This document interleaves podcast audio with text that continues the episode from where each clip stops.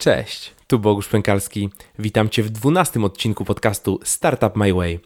Dziś moim gościem jest Michał Śliwiński, człowiek, który zrewolucjonizował branżę narzędzi wspomagających produktywność i zarządzanie czasem. Michał jest twórcą aplikacji Nozbi, z której dziś korzysta ponad pół miliona osób na całym świecie. Z Michałem rozmawiamy o budowie Nozbi i drodze od 1 do 500 tysięcy użytkowników. Michał odpowiada, jak wystartował ze swoją aplikacją, jak pozyskiwał pierwszych klientów, jak finansował swój biznes, kiedy i jak zatrudnił pierwszych ludzi oraz co by zrobił lepiej, jeżeli dziś zaczynałby od początku. Rozmawiamy o tym, jak wyceniać aplikacje SaaS i jakie są największe wyzwania w tego typu biznesie, czy warto od razu wchodzić na rynek międzynarodowy i jak robić to skutecznie. Michał opowiada również o pracy zdalnej i modelu no office oraz o tym, jak wygląda dzień pracy tak dobrze zorganizowanej osoby jak on sam. Ale zanim przejdziemy do odcinka, mam jeszcze kilka e, ogłoszeń. Przede wszystkim Michał przygotował dla słuchaczy podcastu specjalny kod promocyjny na aplikację Nozbi. E, kod ten daje 3 dodatkowe miesiące przy płatności rocznej, a dodatkowo przy płatności rocznej mamy już zniżkę, więc de facto płacąc za 10 miesięcy dostajemy 15 miesięcy korzystania z aplikacji.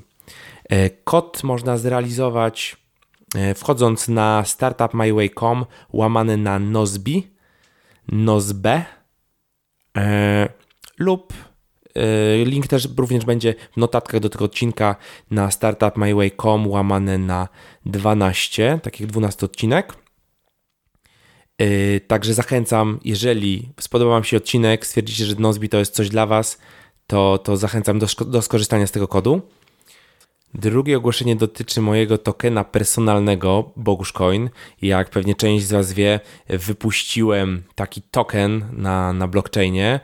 E, tokeny można obracać na giełdzie Waves. Mm, można go kupić, można go sprzedać. E, również będzie można go wymienić na różnego rodzaju usługi. Mm, już niedługo będą, będzie pierwsza lista, e, co można za te Bogusz coiny e, kupić, czy dostać, na co je można wymienić. Poza tym, że można nimi handlować e, na giełdzie.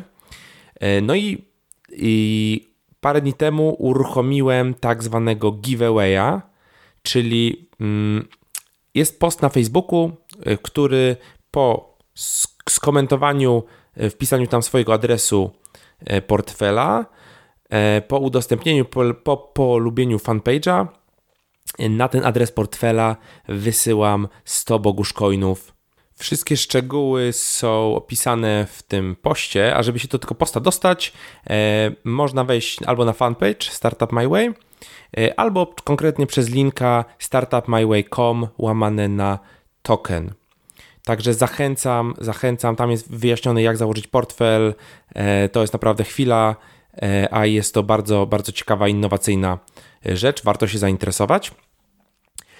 No i zachęcam też do śledzenia mnie na Twitterze @boguszp, jak również do polubienia fanpage'a Startup My Way na Facebooku. Właśnie tam jest ten giveaway i pojawiają się różne bardzo ciekawe rzeczy. Także warto, warto obserwować. No a teraz już nie przedłużając, przed Wami twórca Nozbi, Michał Śliwiński. Cześć Michał. Cześć.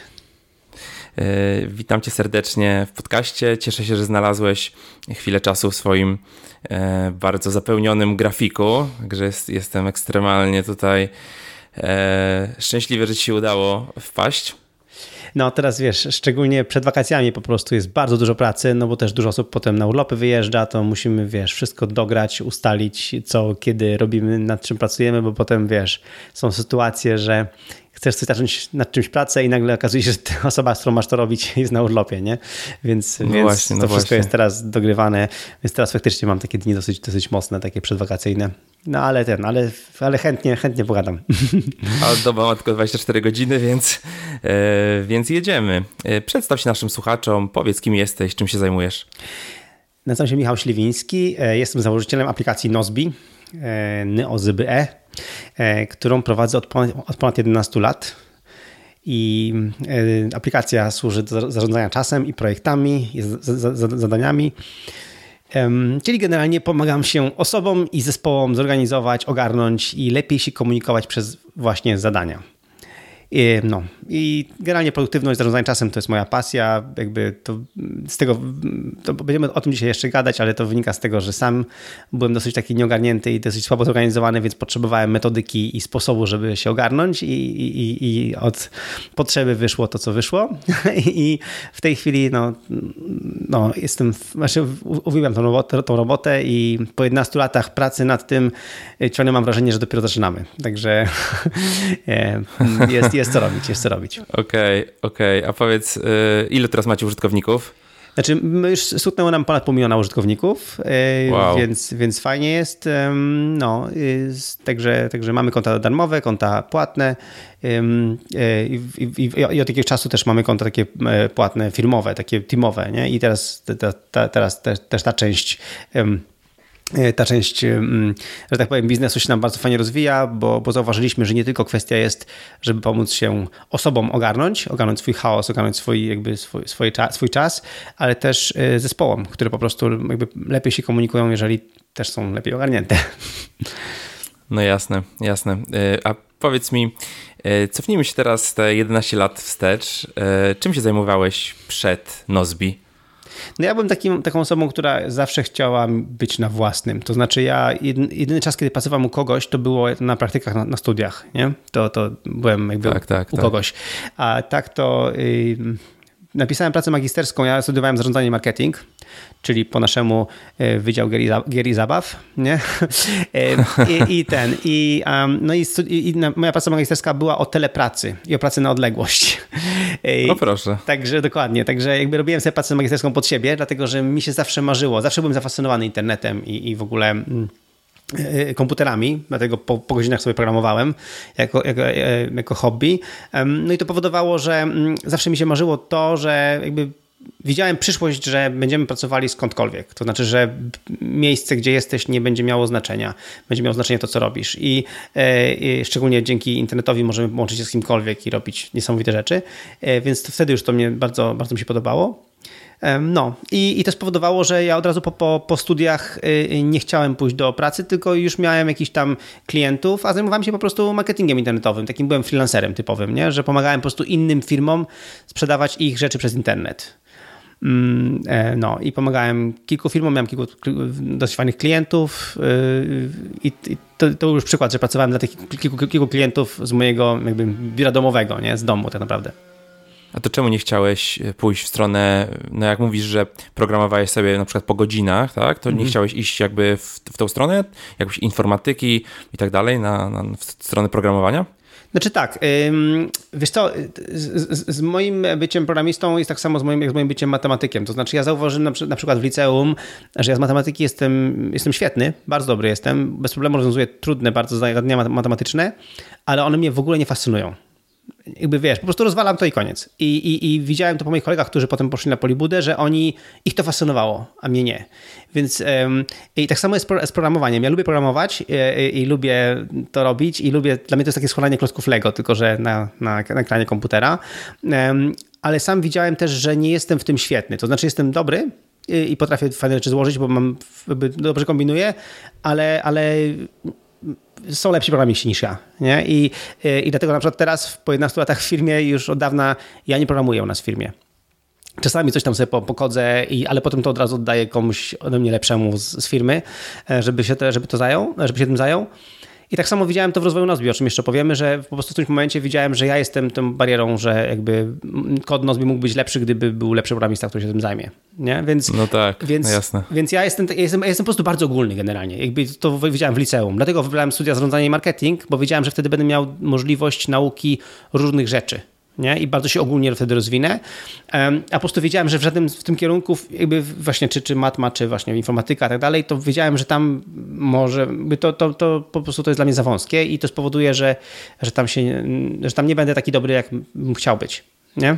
Tak, tak, tak. Także, także... No i nie masz tej ekscytacji takiej też, no. Bo, no, jednak pracujesz no, wtedy na ogół dla kogoś i jest to troszeczkę inaczej. Ja tutaj jakby czuję, że ta żyłka przedsiębiorcy u ciebie była już no, od wczesnych lat. Tak, znaczy wiesz, to miałem dobry przykład w domu, bo moi rodzice oboje są przedsiębiorcami. Znaczy obecnie mój tata pracuje u mnie na etacie, jest moim szefem finansowym. um, także mój tata zamknął swoją firmę e, po tym, żeby przejść do mnie, um, ale, ale to oni we mnie też wszczepili takie coś, taką, um, taką właśnie żyłkę przedsiębiorcy. no, dlatego, dlatego, dlatego jakby po studiach wiele osób szło do dużych firm, już do, do korpo, nie? i ja też mogłem śmiało startować, znając języki i tak dalej i właśnie jakby dosyć dobre mając oceny, mogłem pójść tam do jakichś dużych firm i rozwijać karierę zawodową, ale ja tego nie chciałem robić miałem klientów, stwierdziłem, stwierdziłem że najpierw poznam tych klientów, poznam pracę jako freelancer i zobaczę co dalej.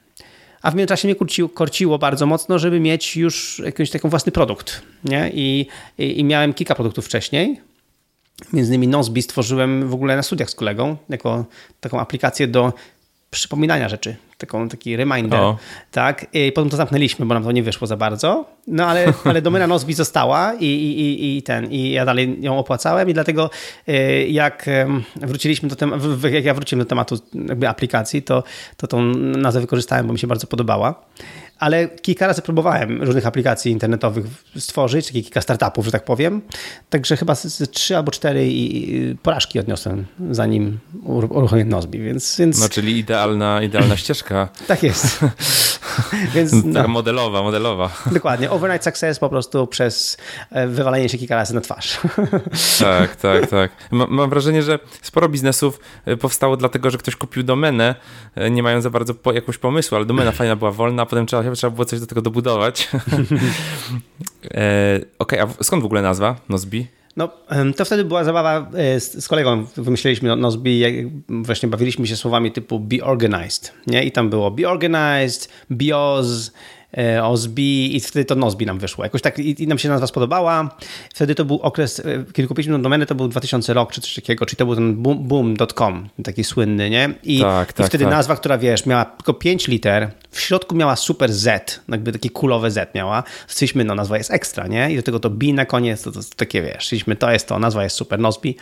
E, nie, nie kumaliśmy, że potem będziemy musieli ludziom, wiesz, po kolei mówić, jakby ten, literować ją, nie? No bo właśnie nikt nie, nie napisze dobrze z palca. No właśnie.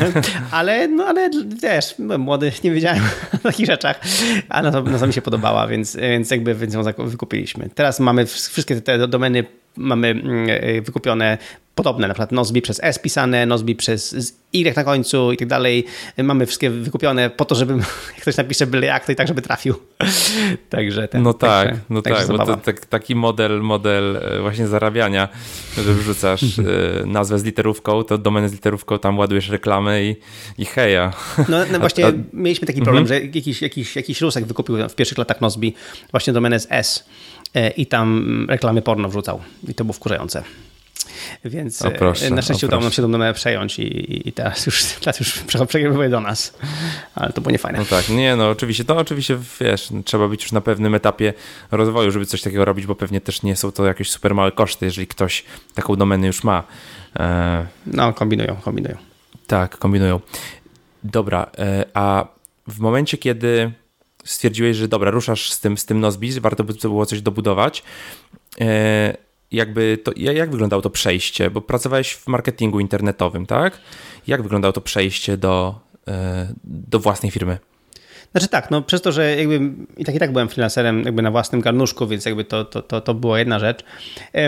Przede wszystkim chodziło o to, że Nozbi napisałem sobie w ciągu weekendu tak naprawdę. Jako taki projekt po prostu szukałem sobie aplikacji, nie znalazłem żadnej, która mi się podobała, do, do, do, do GTD, do zarządzania, zarządzania, czasem. GTD, czyli Getting Things Done. To była taka książka, którą przeczytałem i mi się bardzo podobała ta książka. Podobały mi się koncepty z tej książki, nie podobała mi się jakby implementacja autora, więc yy, zacząłem kombinować, co mogę zrobić samemu i, i napisałem krótką, taką małą, bardzo fajną, prostą aplikacyjkę w, w PHP i MySQL-u, taką dla siebie. I, i, i, I to się od tego zaczęło, nie? Od takiego hobbystycznego weekendowego projektu. No ale potem z tego korzystałem, używałem i potem zacząłem się, potem widziałem, że powstały taki trend Web 2.0 i te aplikacje zaczęły być dużo bardziej interaktywne i stwierdziłem, że, że, że też tego nauczę i, i, i zacząłem tą aplikację dalej rozwijać w wolnym czasie. No i dopiero, wiesz co, i po prostu używając jej i pokazując ją czasami ludziom, zauważyłem, że ludzie mówią, ej, ja też bym z czegoś korzystał, nie?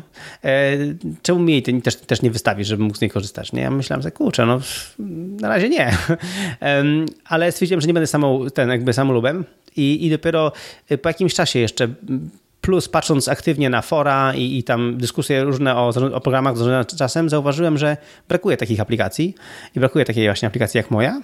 I, i, I, wtedy e, w 2007 roku, w lutym, pamiętam, uruchomiłem tą pierwszą wersję Nozbi e, i ogłosiłem to na jednym z, z, z blogów to znaczy na, jako w komentarzach. I to jest, teraz to by się wydawało, że to jest jakiś spam komentarski, ale to właśnie był, był, ale to był właśnie wpis na blogu z zapytaniem, jakie polecać aplikacje. Nie? Więc jakby zapytanie było konkretnie o to, więc ja znałem to, jakby te, te, tego gościa tego bloga i znałem tych ludzi, którzy tam komentują, więc jakby byłem już częścią tego społeczności, więc napisałem, że słuchajcie, tutaj mm, y, no ja napisałem własną, bo mi ta i ta aplikacja nie działała, nie? I, i, i dajcie tam znać. No i wiesz, jeden z, jednym z osób, które tam czytała te komentarze, okazało się, był taki bardzo znany bloger e, dla firmy ZDNet i on po prostu przeczytał ten komentarz, założył konto, nic mi nie powiedział i napisał artykuł i też nic nie powiedział. I, ten, o, i, i, i, prawie mi rozwalił serwer po prostu tym, tym wpisem, e, bo ten, bo, bo tyle miałem nowych, nowych kont w tym momencie. Nie? No Także... właśnie, to nie był świat chmury jeszcze, gdzie możesz to zeskalować wszystko szybko. Dokładnie, dokładnie. Ja to, ja to, co więcej, ja to, ja to pamiętam, że to postawiłem, pierwszą wersję Nozbi postawiłem na na serwerze współdzielonym z, z, innymi klientami zupełnie, nie? Po prostu, żeby wiesz, żeby, no, no, po kosztach, nie? Żeby tak po prostu gdzieś to postawić, żeby tam gdzieś chodziło i tam spoko, nie? Także po kilku miesiącach musiałem e, już własny serwer jakby wy, wy, wykupić, no bo, bo tam zaczęło pękać to w szwach, nie? Ale mm, no ja nie zdałem sprawy w ogóle, czy ktoś będzie chciał z tego korzystać i będzie chciał um, używać tej aplikacji, dlatego tak e, odpalałem. No i co więcej, ja pracowałem na, jakby, na, jakby na pół ciągle jeszcze w pewnym sensie. To znaczy robiłem tak, że um, pamiętam takie, taką, właśnie takie coś, że sobie taki trik zrobiłem mały, że byłem na jakiejś konferencji i dostałem badge'a, nie, z tej konferencji. I na tym badge'u sobie to zdjąłem, to wyjąłem to z tej konferencji, tylko napisałem sobie CEO Nozbi taki napis sobie zrobiłem. I tego badge'a zakładałem sobie o godzinie 16. To znaczy do, do 16 pracowałem jako freelancer dla moich klientów, a o 16 zakładam badge'a, gdzie jestem CEO Nozbi i wiedziałem, że od tego momentu do wieczora, dopóki żona nie wróci z pracy, e, pracuję jako CEO Nozbi i pracuję nad Nozbi. Nie? I tak pracowałem przez e, kolejny rok. Czyli przez pierwszy rok działania Nozbi pracowałem na, na, na pół etatu, mówiąc delikatnie, czyli po prostu wieczorami pracowałem nad Nozbi e, i weekendami czasami, e, oczywiście i to, no, żeby zobaczyć, czy to w ogóle chwycie, nie? Czy to w ogóle jakby będzie te, tak, tak popularne, tak, tak, jakby, tak. Że, żeby to w ogóle miało, miało szansę jakiegoś sukcesu i przede wszystkim chciałem wiedzieć, czy, czy to będzie w stanie wygryźć moją obecną robotę, nie? Czy będę w stanie zarobić tyle z Nozbi, ile obecnie zarabiałem jako freelancer, nie? W tym momencie, żeby móc rzucić tą freelancerkę, która była fajna i miałem bardzo fajnych klientów, no ale pracowanie dla, to było ciągle pracowanie dla kogoś, nie? Sprzedawanie czyichś produktów przez internet. Ja chciałem sprzedać swój własny. Dokładnie. Więc Dokładnie. E, no tak to wyszło. E, Okej, okay. E, a powiedz, mm, bo jakby wy od razu zaczęliście, to, ty zacząłeś to robić globalnie, tak?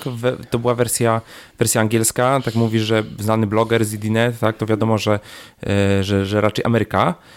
E, tak, to się zgadza? Tak, w, znaczy w, w, w, Polsce byłem, byłem bardzo znany, to znaczy w ogóle. Nawet mnie nie znał mój sąsiad, sąsiad na osiedlu, także nikt mnie nie znał. Mm -hmm. Ja mieszkałem potem w Warszawie, jestem z Gdyni, więc wtedy mieszkałem w Warszawie, więc jakby mm, pamiętam, że dopiero zacząłem e, w tym świecie startupów, czy tam barcampów i tak dalej, to zacząłem istnieć dopiero jak już Nozbi długo działało, znaczy jakiś czas, czas działało, bo chciałem też się pochwalić, że coś takiego zrobiłem kolegom, plus chciałem, plus przez to, że pracowałem z domu, chciałem spotykać się z ludźmi, którzy myślą podobnie i którzy mają podobne problemy co ja. E, ale do tego czasu nikt mnie nie znał w Polsce ale uruchomiłem Nozbi globalnie z kilku powodów. To znaczy, po pierwsze, po prostu wiedziałem, e, że angielska wersja y, ma dużo większy sens, no bo ludzie w Stanach za oceanem znają książkę Getting Things Done Davida Allena i, i, i tam już mają rozwiązania, które adresują ten problem, a w Polsce spotykałem się z, z wiesz, z, takim, z takim zdaniem, że e, do zarządzania czasem to, to, to nie, nie, nie, masz kalendarza, nie możesz sobie wpisywać rzeczy, jakby o co ci chodzi w ogóle, nie? co ty w ogóle próbujesz tam tutaj, no wiesz, tak, nie? No tak. Więc jakby nie było świadomości. Tak, inna mentalność, nie? Więc wiedziałem, że to po polsku, to wiesz, jeżeli w Polsce to uruchomię, to trzy osoby na krzyż zobaczą i, i, i w ogóle to mi się nie, nie zepnie, ale dwa, uważałem, że po angielsku najłatwiej. bo tam właśnie skumają i dwa, no angielski dochodzi do całego świata, więc to nie tylko mogą być Amerykanie, mogą być, wiesz, ludzie z całego świata, więc, więc to jest fajne. Ja znałem angielski biegle, więc nie miałem problemu z tym, żeby, żeby to po angielsku prowadzić. Um, I no i, i trzy, miałem, wiesz co, miałem bardzo fajny przykład takiego mojego mentora i, i, i takiego no, guru lokalnego, to jest e, Szymon Grabowski z firmy GetResponse. On, on uruchomił GetResponse e, e, no, sporo przede mną, e, w 98 roku chyba, czy coś takiego. I ja Szymona znam od tamtego czasu już, od samego początku jego GetResponse'a i po prostu pamiętam, że on to uruchomił po amerykańsku, po angielsku robił właśnie na rynek amerykański i pamiętam, że mi to strasznie imponowało i widziałem, że rzeczywiście, że on tam dociera, że tam, że tam ta świadomość płacenia za aplikację, płacenia za SaaS, którego wtedy jeszcze nie było tego pojęcia, nawet SaaS w 2007 roku, ale płacenia za aplikacje w sposób rekurencyjny, czyli w sposób właśnie taki, że co miesiąc, co, co, czy co rok, e, co roku to jest normalne, oni to znają, plus w ogóle no, oni, oni są dużo do przodu po prostu, nie? mówiąc delikatnie.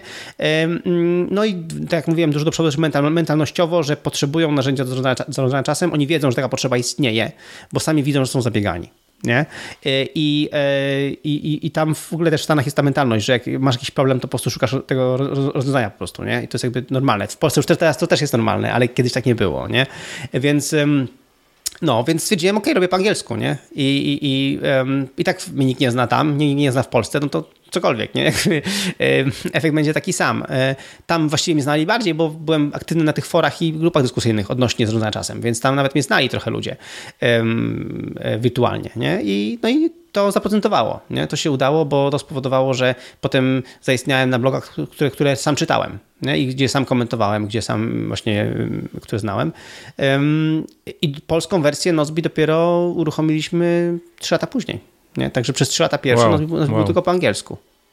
Nieźle, nieźle. E, a jak wyglądał ten e, development, te, ta budowa aplikacji na początku? No mówisz, że zrobiłeś to w weekend i taką weekendową wersję od razu wpuściłeś w internet i wpuściłeś tam ludzi? Nie, nie, nie, nie, nie, nie, nie, absolutnie, broń Boże, to, to było straszne. Nie, nie, to, to weekend to był taki, wiesz, taki jak to się teraz, teraz ładnie nazywa, to też wszystko, właśnie, to jest takie śmieszne, bo wiesz, ja już mam jednak ten bagaż lat doświadczeń trochę, tych 11 lat, tak, to jest dosyć tak. sporo, szczególnie jakby w czasie, jakby w czasie internetowym, nie, jakby mierząc to w czasie internetowym. Umówmy się, 11 lat temu jeszcze nie było iPhone'a, nie, był tylko, e, e, e, był tylko zaprezentowany, więc to, co ja zrobiłem, to jest taki MVP, nie? czyli taki Minimum Viable Product, jak to teraz ładnie się nazywa. E, ja po prostu zrobiłem taki bardzo prostą aplikację, która miała już te koncepty, czyli miała na przykład to, że miałeś e, zadania w priority, czy tam w priorytetach, czyli tak zwane następne zadania. Miało, miało mm, projekty, w projektach miałeś zadania, mogłeś zaznaczyć, które zadania mają być właśnie twoim priorytetem, które nie. I to niestety działało w, w tej pierwszej wersji w sposób taki bardzo patologiczny, grafika była straszna, bo to mówię, robiłem na szybko, nie? Ale potem to było tak, że przez to, że te, te, technologie JavaScriptowe się pojawiły i ja zacząłem po prostu się tego uczyć, po prostu, nie? I to było tak, że wiesz, i, i też nie było dużo dokumentacji, jeżeli chodzi o te sprawy, nie? Nie jak teraz mamy tych bibliotek o JavaScriptu, mamy teraz tyle, że to się w, w głowie nie mieści. Wtedy to było ich kilka. Ja skorzystałem z tej biblioteki Prototype, e, którą wtedy używa, używała firma 37 Signals, e, czyli ten Basecamp i Backpack tak, i tak dalej. Tak, tak. I ja normalnie robiłem coś takiego, słuchaj, że wiesz, ja potrafiłem, wiesz, ja miałem, byłem e, abonentem Backpacka e, u I ja pamiętam, że po prostu Aha.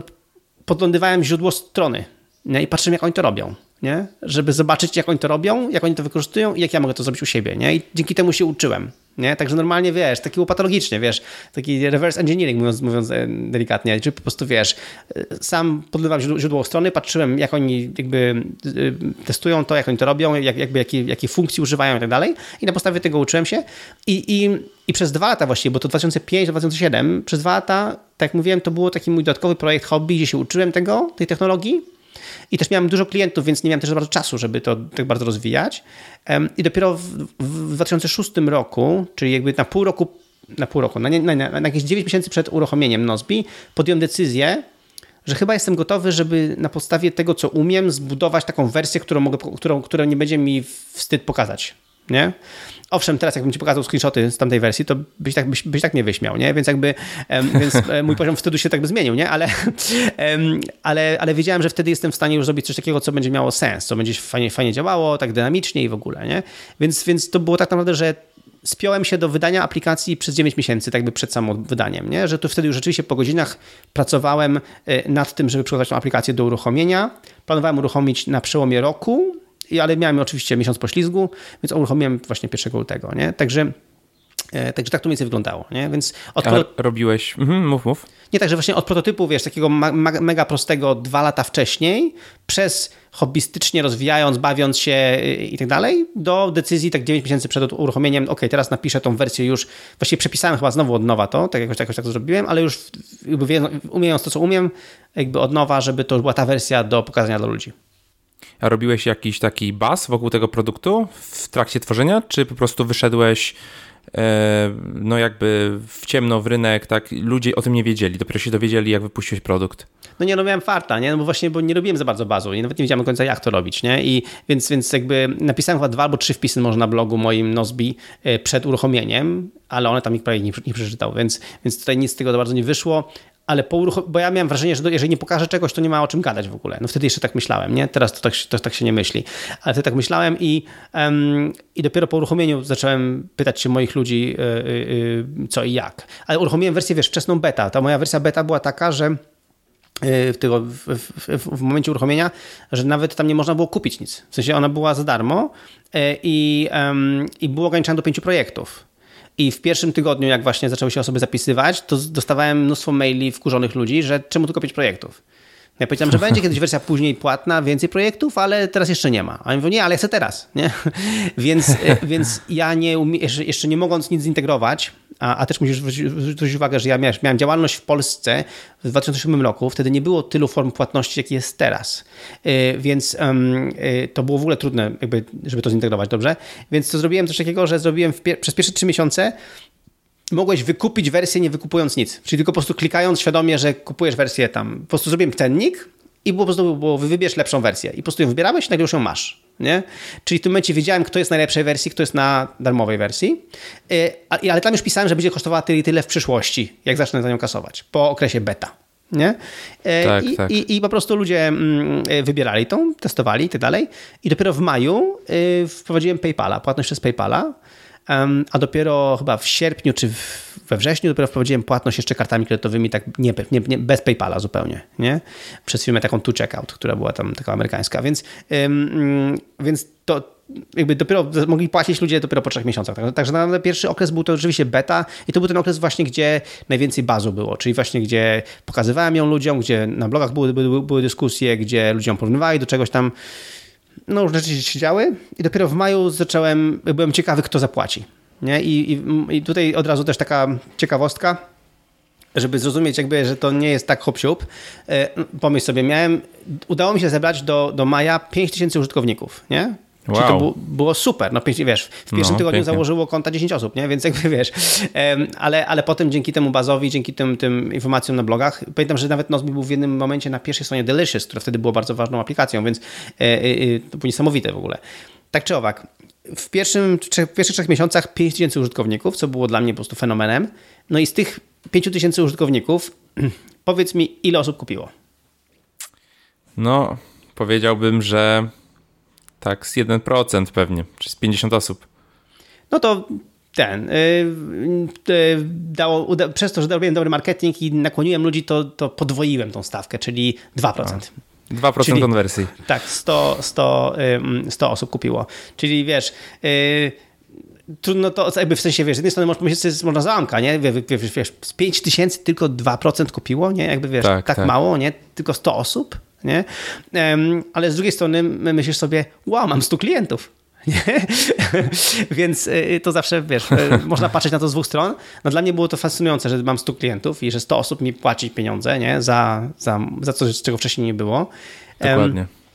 No i, i, i, tak to się zaczęło, nie? I potem już, wiesz, cisnąłem. Potem oczywiście konwersje miałem wyższe już potem, potem jakby, wiesz, w sensie taki już taki, że ktoś zakładał konto i tak dalej.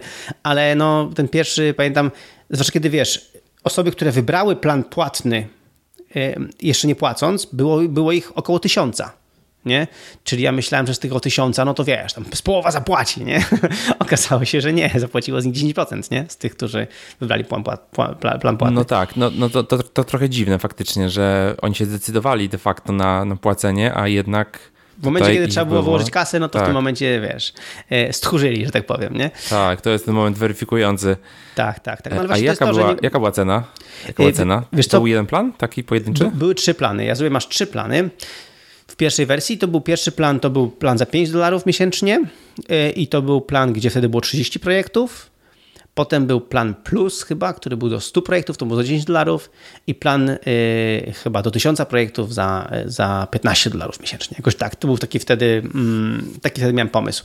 Y, potem to zmieniłem, teraz w tej chwili jest tak w Nozbi, że jest po prostu albo masz ten, ten plan darmowy za, do 5 projektów, albo po prostu masz, masz płatny do, y, nie, nie, masz, nie, nie masz ograniczenia jeżeli chodzi o projekty, czyli jeżeli chodzi o projekty po prostu nie ograniczamy w ogóle, nie? Tylko potem jakby jest kwestia ilości, jakby liczby użytkowników, nie? Więc, tak. ale wtedy, to, wtedy był taki plan. Nie? I właśnie pierwszy był 5-dolarowy, e, Potem podwyższyłem cenę do 7 dolarów na start. W tej chwili cena jest 10 dolarów na start. Nie? W tej chwili.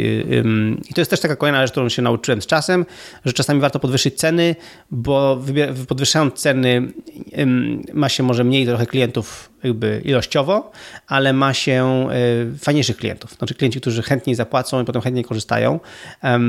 To jest kwestia też takiej pewnej jakby też jakości klientów, więc to jest e, no, mm, no to jest, trzeba, trzeba zawsze znaleźć ten, ten, ten, ten, ten złoty środek.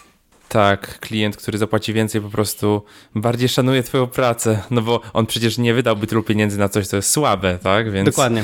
to tak, jest taka wtedy, psychologia. Tak, i wtedy, wtedy też komentarze takich osób są e, dużo bardziej e, konstruktywne, w stylu, co możemy tu zrobić lepiej, żeby to jeszcze lepiej działało, skoro już za to płacę, niż e, takie, wiesz, roszczeniowe, nie? Ja tu płacę 5 dolarów, a tego nie ma, a tego nie ma, a tego nie ma, nie? Ja tu płacę, wymagam, nie? Więc, Dokładnie. Więc, więc to jest kwestia właśnie takiego poziomu klienta, nie? I, i te, też, też się tego nauczyłem latami po prostu, nie? Próbując i tak dalej, testując różne modele. A, a jakie masz podejście i w kontekście zmiany cen yy, i starych użytkowników? Zostawiasz ich na starym cenniku, czy wszyscy przechodzą po prostu i... Tak, zostawiamy ich jak, jak, najdłużej, tylko możemy zostawić ich, ale w którymś momencie na przykład dajemy już im pewną, wiesz, pewną, pewien koniec tego, nie? Dlatego okay. na przykład w tej chwili mieliśmy taką sytuację, żeśmy zmienili cennik e, dosyć drastycznie. Znaczy nie tyle tam, jeżeli o same, same koszty, ale bardziej sposób prezentacji cen mamy zupełnie inny w tej chwili. E, w zeszłym roku i to wyszło nam bardzo dobrze na ten, bo, bo pokazało ludziom ten, ten, ten jakby, że można mieć konto dla jednej osoby, można mieć, mieć konto dla, dla dwóch, dla czterech, dla sześciu, dla ośmiu. Jakby zrobiliśmy takie plany, żeby pokazać, że właśnie w Nozbi w biznesie czy w teamie bardzo fajnie działa, czego wcześniej nie było tak bardzo widać. E, I to spowodowało, że u niektórych osób to rzeczywiście te plany bardzo podrożeją. Nie? Więc, więc po prostu z tymi klientami się komunikowaliśmy, że ok, jeszcze przez jakiś czas macie, nie? Tak po, sta, po, staro, po, starej cenie, ale niestety już niedługo będzie też trzeba będzie zmienić nie? Na, na, na, na, nowszą. I większość klientów w ogóle nie ma z tym problemu. Oczywiście są tacy, którzy tam mają pretensje, ale, ale większość osób jakby jest tego samego zdania co ja, jako klient innych usług. Też, też uważam, że jeżeli coś mi się udało mieć tanio przez jakiś czas, to dobrze, to skorzystałem z tego. No jeżeli teraz jakby, wiesz, trochę podrożało, no to też nic się nie stało, zwłaszcza kiedy mm, yy, jeżeli z tej aplikacji czy z tej usługi wyciągam wartość i rzeczywiście ona mi oszczędza czas, albo oszczędza mi pieniądze, albo wiesz, cokolwiek, to, to warto. Nie? E, I plus y, ja, ja płacąc za usługi, tak samo oczekuję od moich klientów, którzy płacą za, za Nozbi, to jest coś takiego, że wspieramy się wzajemnie. To znaczy po prostu ludzie płacą za Nozbi, płacą na to pensje, które ja płacę moim pracownikom po to, żebyśmy rozwijali lepiej ten produkt. Nie? I, i, i Nozbi obecny jest zupełnie inny niż Nozbi ileś tam lat temu. W tej chwili Nozbi to wiesz, cały pakiet aplikacji na wszystkie platformy i tego w tej chwili jedna osoba nigdy w życiu by nie napisała, nie? Samemu, więc, no e, więc to jakby to wiadomo, że my, my, my, my, też e, staramy się po prostu, jakby naszym obowiązkiem jest, żeby być jak najbardziej zaawansowaną aplikacją, jaką tylko jesteśmy w stanie napisać, um, po to, żeby najlepiej służyć naszym użytkownikom, więc jakby oczekujemy też trochę tego zrozumienia, nie? że my inwestujemy w naszą aplikację, no ale żeby zainwestować, to trzeba to, to też zapłacić, nie? I, i jako, że my nie mamy funduszu VC, który tam za nami stoi, tylko jest w pełni mm, samemu finansujemy rozwój, no to tym bardziej po prostu jakby mm, tłumaczymy, że my robimy to, wiesz, my, dla nas liczy się długi okres, nie? liczą się lata. Jak widzisz, po 11 latach ja ciągle mam wrażenie, że to jest kupa rzeczy do zrobienia i, i mi się Nozbi co najmniej nie znudziło. To znaczy jeszcze bardziej mi się podoba prowadzenie tej aplikacji i prowadzenie tego, tego biznesu, więc, um, więc to jest jakby, to wiesz, to działa w obie strony. Super. Super. A y, jak godziłeś, jak w momencie, jak wesz, wszedłeś na rynek, pojawili się ci klienci, jak godziłeś te różne obowiązki, tak? Bo z jednej strony trzeba było trochę programować, tworzyć ten produkt, z drugiej strony pojawili się klienci, więc jakiś kontakt z klientem, sprzedaż, y, support, no bo dużo ludzi tak. tutaj to chce, tutaj tamto, y, jakieś płatności, marketing i tak dalej, i tak dalej. Jak sobie z tym radziłeś? Nie no, masakra była, nie? E, wiesz, byłem one man shop, byłem, jak to się mówiło nie po amerykańsku. E, mm, no i szybko właśnie zauważyłem to, co już mówiliśmy wcześniej, że, że największą dziurę, jaką robię, w sensie największy, najwięcej czasu marnuję, nie, ale jakby poświęcam e, niepotrzebnie na programowanie. To znaczy, że widziałem, że program, jako, jako, programista jestem najsłabszy z tych wszystkich innych funkcji, nie? Czyli i dlatego na przykład po roku zatrudniłem pierwszego programistę. I to było, to było straszne przeżycie, no bo wiesz, jakby zatrudniłem kogoś, kto nagle miał dostęp do mojego kodu, do mojego wspaniałego kodu, do mojego pięknego kodu, do mojego dziecka. No nie? właśnie. E, I, i, i, ten, i, i to zatrudniłem osobę i to zatrudniłem jeszcze bardzo, bardzo rozsądnie, bo mm, e, Tomek zaczął pracować jeszcze jako, jak był studentem i on był jeszcze na pół etatu nie? Czyli jakby tak już na, jakby, no, no, nie wiedziałem też na ile mi będzie stać, czy nie, czy dam radę i tak dalej, począłem to finansowo no tak, i tak dalej, wiadomo, nie, koszty i tak dalej, no, ale wiedziałem, że Tomek jest dużo lepszy niż ja, pomimo, że jest, no, że, pomimo, a może dzięki temu, że jest dużo młodszy i on studiuje informatykę, studiował wtedy informatykę, mm. No i widziałem, że to wcześniej zrobił, więc po prostu widziałem, że potrzebuję kogoś, kto jest świetny, żeby tutaj rozwijał, a ja wtedy zajmę się tą resztą nie? rzeczy. I, i, I, będę pomagał mu w programowaniu, ale będę wtedy tylko mu pomagał, a nie będę, wiesz, tą główną osobą, która programuje. Nie? I tak było. Tak, przez, tak. Przez, przez dwa lata było tak, że po prostu ja byłem jego asystentem do programowania. W sensie ja mu pomagałem w programowaniu, ale to on głównie programował. Um, a ja z kolei zajmowałem się całą resztą e, biznesu. Nie? Um, I i, i e, no, pamiętam na przykład, jak właśnie e, tam żeśmy pracowali nad kolejnymi, kolejnymi wersjami Nozbi, to czasami ja coś zaprogramowałem, potem on to przyjmował, a czasami właśnie po prostu on w pełni coś tam pociągnął. I dopiero po dwóch latach zatrudniłem osobę od wsparcia klienta. To było zdecydowanie za późno, bardzo późno to zrobiłem. Powinienem był wcześniej się tym zająć, bo, bo też wsparcie klienta to jest coś bardzo ważnego, nie? żeby to robić dobrze, żeby był, kontakt z klientem był dobry, więc powinienem był tutaj się tym zająć. E, no i tak, wiesz, stopniowo po prostu wszystko, wszystko przy, przy, jakby od siebie od, od, oddawałem, nie? Oddawałem te wszystkie fuchy. Pamiętam, że najbardziej bolesną fuchą było, że ja myślałem, że jestem świetnym product managerem. To znaczy, że świetnie zarządzam naszym produktem. I, i, i ja myślałem, że product manager tak w sumie dużo nie musi robić, więc jest spoko, nie, więc ja to mogę dalej ciągnąć, nie? I dopiero iluś tam klientów i klientów przyjaciół też e, zwróciło mi uwagę, że jestem do, do bani product managerem tak naprawdę, nie? że słabo to robię. E, I wtedy, wtedy też zauważyłem, no i zgłosił się wtedy, pamiętam, bo właśnie po kilku latach zgłosił się taki Rafał do nas, taki, taki Rafał, obecny Rafał, który jest szefem produktu u nas. E, no i jak on to przejął, no to zupełnie inna bajka, nie? Zupełnie inaczej zaczęło działać wszystko, nie? I wtedy zrozumiałem, jakiego miałem beznadziejnego pracownika jako product managera, czyli siebie, nie?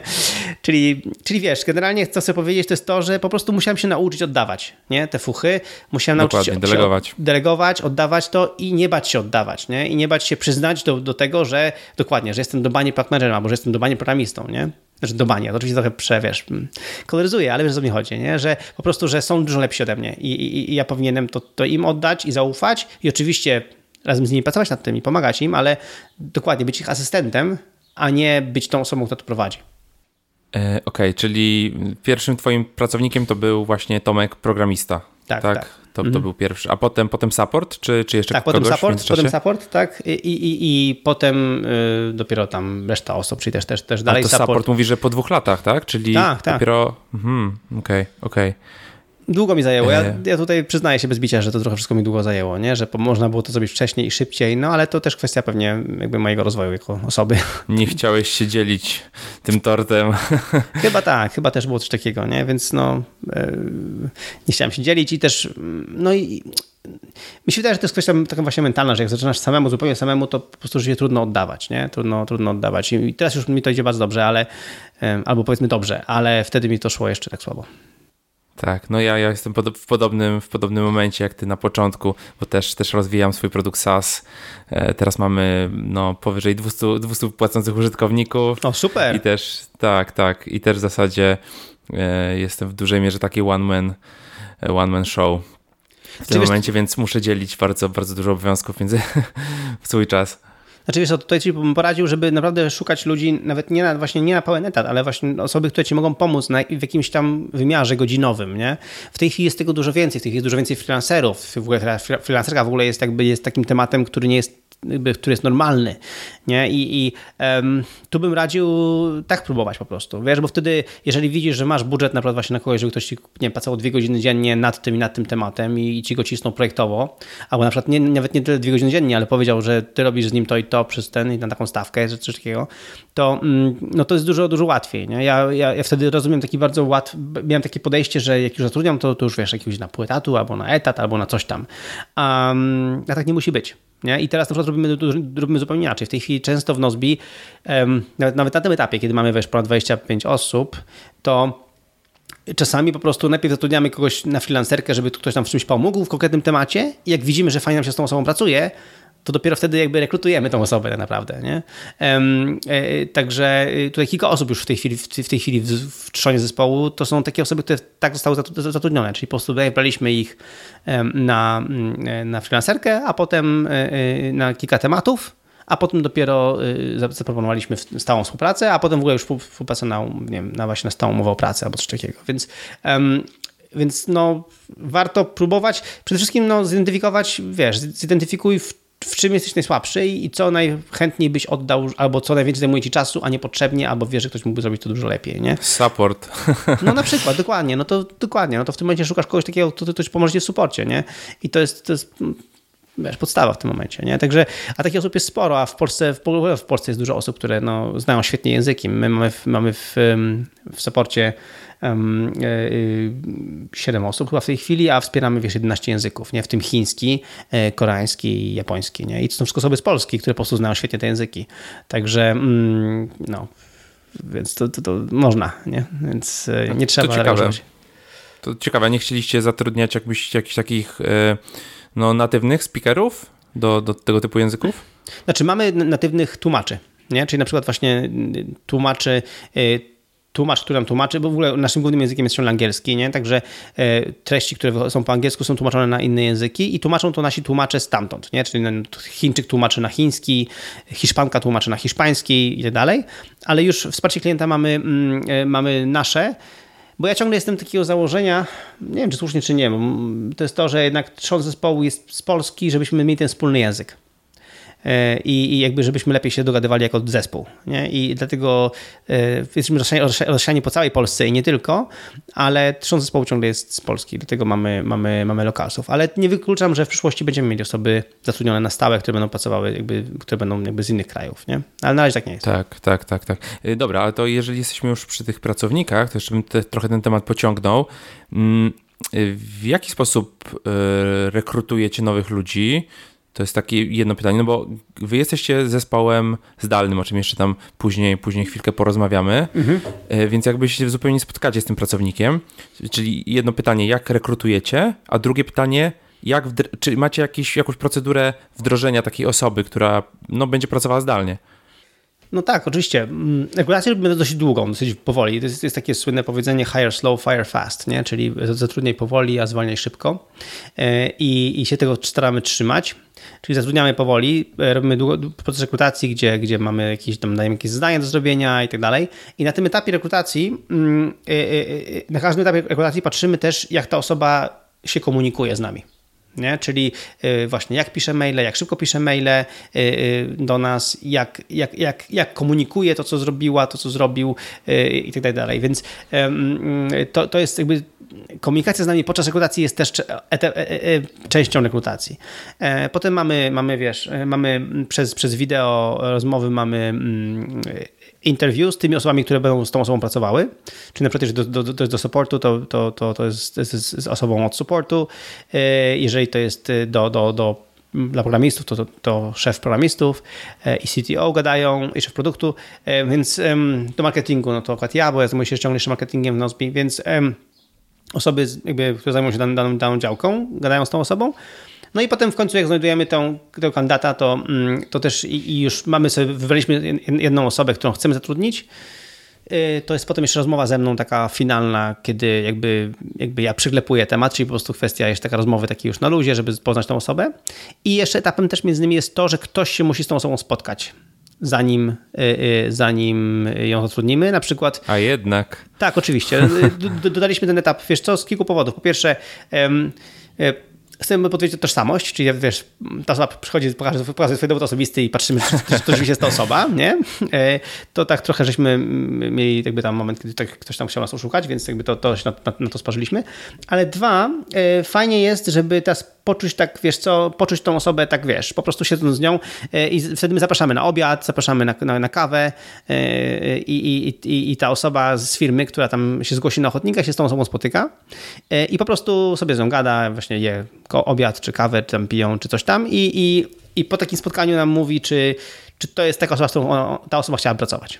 Nie? Czy to jakby, czy ten. Więc, więc takie spotkanie w realu jest ciągle u nas e, e, praktykowane, praktykowane jako, jako część rekrutacji.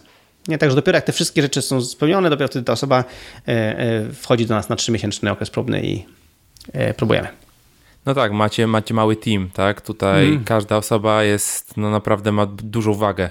Oczywiście, że tak, oczywiście, że tak. Każda, to, to jest, wiesz, to jest. No i plus, wiesz, to jest obciążenie psychiczne całe. Jeżeli zatrudniasz taką osobę, ale potem okaże się, że się nie spełni tych jakby oczekiwań, no to potem zwolnienie jej jest też jest trudne, nie? Jest bardzo obciążające psychicznie, więc trzeba próbować trafić, a i tak i tak nam się zdarzyło już kilka razy nie trafić, nie? Ktoś się wydawał bardzo obiecujący podczas całego rekrutacji, ale okazał się potem już pracując z tą osobą, no, że nie, że nie spełniał jakby oczekiwań i trzeba było ją zwolnić, więc e, to się też zdarza.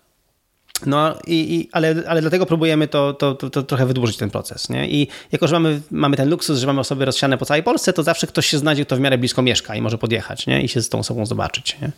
Więc, no, więc to, tak, to też tak pracujemy. No rozumiem, że to nie dotyczy y, na przykład tłumaczy z Chin.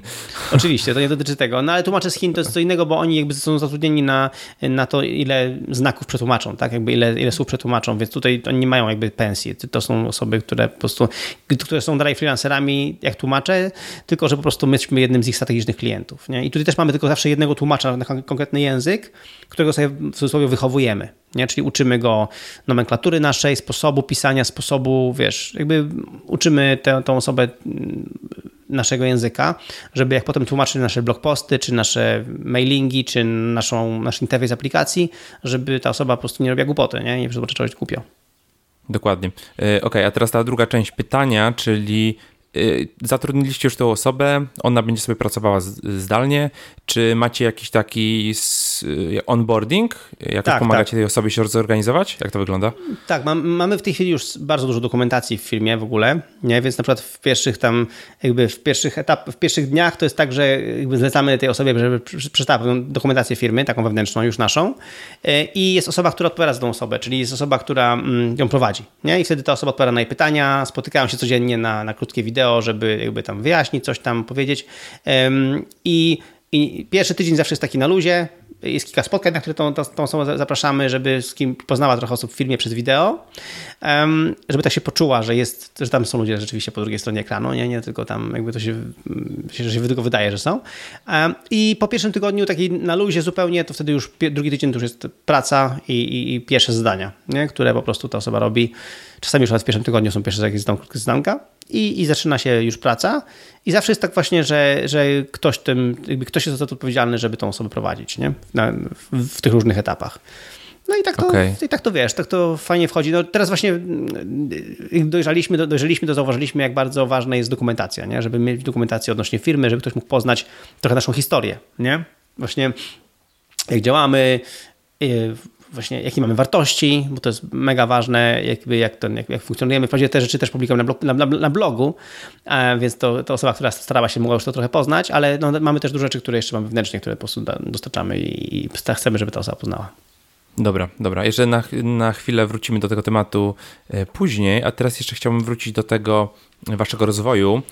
E, a mianowicie, jak rosła ta baza użytkowników? No bo mówisz, że skonwertowaliście tych 100 użytkowników, oni zaczęli płacić. E, no i jak to, jak to mniej więcej rosło? Znaczy to rosło tak, że wiesz, to, to, to, były momenty lepsze i gorsze. To znaczy ja pamiętam, że czerwiec był słaby. Po, po, po fajnym maju, kiedy ruszyła ta sprzedaż, to czerwiec pamiętam był fatalny. Um, ale, ale potem już zaczęło powoli tam działać, zwłaszcza kiedy mieliśmy taki fajny, taki fajny epizod, że żeśmy uruchomili aplikację webową na iPhone'a. Kiedy iPhone się uruchomił w Stanach, to my już ją mieliśmy, więc Nozbi była jedną z pierwszych aplikacji to do na iPhone'a, um, więc to nam też dało takiego fajnego baza. No i, i z czasem to wiesz, po prostu rosło, rosło y, przy, przez polecania, przez blogi, przez właśnie mm, ludzie polecali Nozbi. Y, I to było tak dopiero, że, że po roku zauważyłem, że te, te wpływy z Nozbi zaczynają przekraczać tyle to, to, co ja zarabiam na freelance, jakby jako freelancer i wtedy zauważyłem, że, że, że trzeba by było podjąć decyzję, co robić dalej. Nie? I, i, I dopiero po roku tak naprawdę podjąłem decyzję, że czas zwolnić moich klientów freelancerowych i, i, skupić się tylko i wyłącznie na rozwoju Nozbi. Um, no i tutaj rosło znowu tak samo, znaczy po prostu wiesz, no, robiliśmy, generalnie mieliśmy dużo, dużo szczęścia, dlatego że Nozbi bardzo ładnie rosł, e, rosł jako, jako ten, jako aplikacja, która po prostu, którą inni, jedni polecali drugim. Jak komuś ona robiła, to po prostu polecał i, i mm, dopiero teraz tak naprawdę jest taka duża konkurencja i, i, tyle jest, jakby tyle się dzieje, że trzeba naprawdę już teraz robić, robić od jakiegoś czasu dużo bardziej aktywny marketing, nie? I dużo więcej sprzedaży robić i dalej i, i, i reklam na Facebooku i takich innych rzeczy. E, wcześniej to naprawdę szło bardzo bardzo ładnie samym po prostu polecaniem. To, to nas trochę może rozleniwiło, że tak powiem, bo po prostu aplikacja była na tyle dobra, że sama się sprzedawała trochę. E, więc e, tak to działało. Nie? No i to było też tak, że po prostu wiesz, potem patrzyliśmy, ilu, są użytkownicy z jakich krajów, i te wtedy zaczęliśmy tłumaczyć Nozbi na różne języki. Stąd pomysł na tłumaczenie Nozbi na polski. E, my też często, my też bardzo szliśmy z trendem technologii, nie? czyli właśnie pierwsza aplikacja webowa na iPhone'a, e, potem mieliśmy też aplikację na iPhone'a na, w App Store, e, potem jak pojawił się iPad, to, to wspólnie z taką firmą Macroscope żeśmy stworzyli aplikację na iPada, integrację z firmą Evernote, która była bardzo znana wtedy, więc jakby, żeśmy robili takie rzeczy, które powodowały, że o nas się pisało, że to było coś takiego, co dawało dużą wartość użytkownikom. I, i to i to jakby taki, przez takie przestworzenie wartości mieliśmy kolejne wpływy użytkowników. I pamiętam właśnie w Japonii tak było, że w Japonii jakiś bloger nas odkrył, przez to, że mieliśmy aplikację i na iPada, na iPhone'a i jeszcze oprócz tego mieliśmy integrację z Evernote, to te, te, ten bloger zaczął nas pisać i książkę napisał o różnych aplikacjach, w tym o naszej i to spowodowało straszny boom w Japonii na przykład. I nagle trzeba było zrobić wersję japońską, Nozbi, trzeba było zatrudnić kogoś, kto zna japoński, żeby robić wsparcie klienta po japońsku, także no, także zrobiło się wesoło. I, no i tak, tak, tak generalnie reagowaliśmy na to, co się dzieje na użytkowników i, i, i tak robimy do, właściwie do dzisiaj, że po prostu tworzymy kolejne wersje, tworzymy kolejną wartość i, i patrzymy, co dalej ale jednocześnie teraz się uczymy tego marketingu takiego też, też takiego sprzedażowego, który po prostu jest potrzebny, no bo konkurencja jest ogromna, więc teraz trzeba też, też, też jednak aktywnie e, e, e, no, sprzedawać, już nie tylko wiesz, reagować na to, na to kto, kto przyjdzie. Okej, okay, a tak chciałem zapytać o takie konkretne, powiedzmy, liczby w czasie, w sensie, w sensie tych ilości tych użytkowników. Mieliście 100, tak? A kiedy, kiedy mniej więcej doszliście do granicy tysiąca użytkowników, 10 tysięcy, 100 tysięcy? Pamiętasz? Tak, nie, znaczy nie, no, y, y, y, ja to mówię, wiesz, pół miliona to jest nie, niepłacących, tylko pół miliona wszystkich, tak? Więc płacących nie mamy pół miliona, nie? więc spokojnie. E, Ilu macie płacących mniej więcej? no, no takich rzeczy nie, nie zdradzam akurat, ale, okay.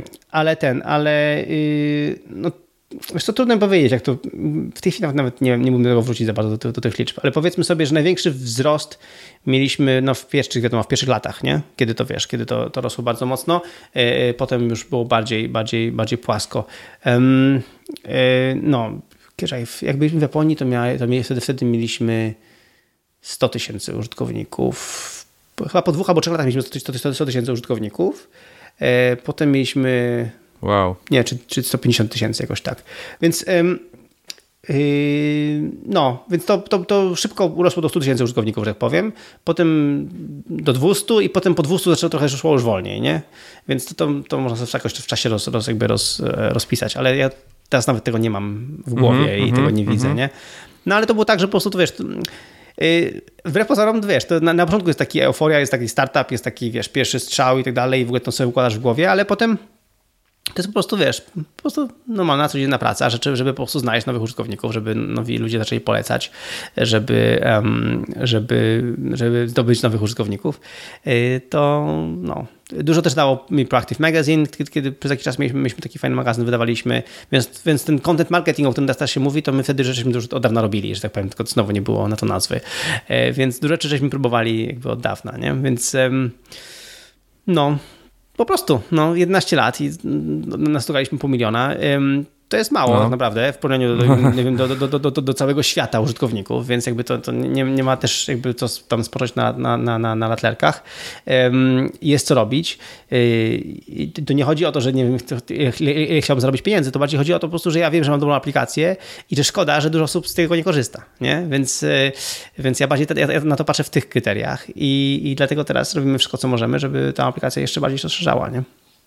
I całość, cały czas przez y, istnienie firmy y, jesteście w stanie pokrywać koszty po prostu tym, co zarabiacie? Nie, Oczywiście, nie, tak. nie finansujecie się z zewnątrz w żaden nie, sposób. Nie, potem wiesz co, Nozbi nie jest dobrą aplikacją do tego. Nozbi, y, finansowanie, zewnętrzne finansowanie jest potrzebne tak mi się wydaje przynajmniej. I tak jakby z tego, co rozmawiałem z funduszami VC kiedyś tam, tak z ciekawości po prostu zupełnie, no oni potrzebują tam, gdzie po prostu są te efekty, efekty nie tyle skali, tylko efekty jak to się mówi, network effect, efekty sieci, tak? Czyli sieciowe, że, tak. Sieciowe, tak, że wszyscy muszą być w tym, w tym miejscu, nie? Na przykład, nie wiem, wszyscy muszą być na Facebooku, żeby to Facebook był warty tyle, ile, ile jest warty, nie?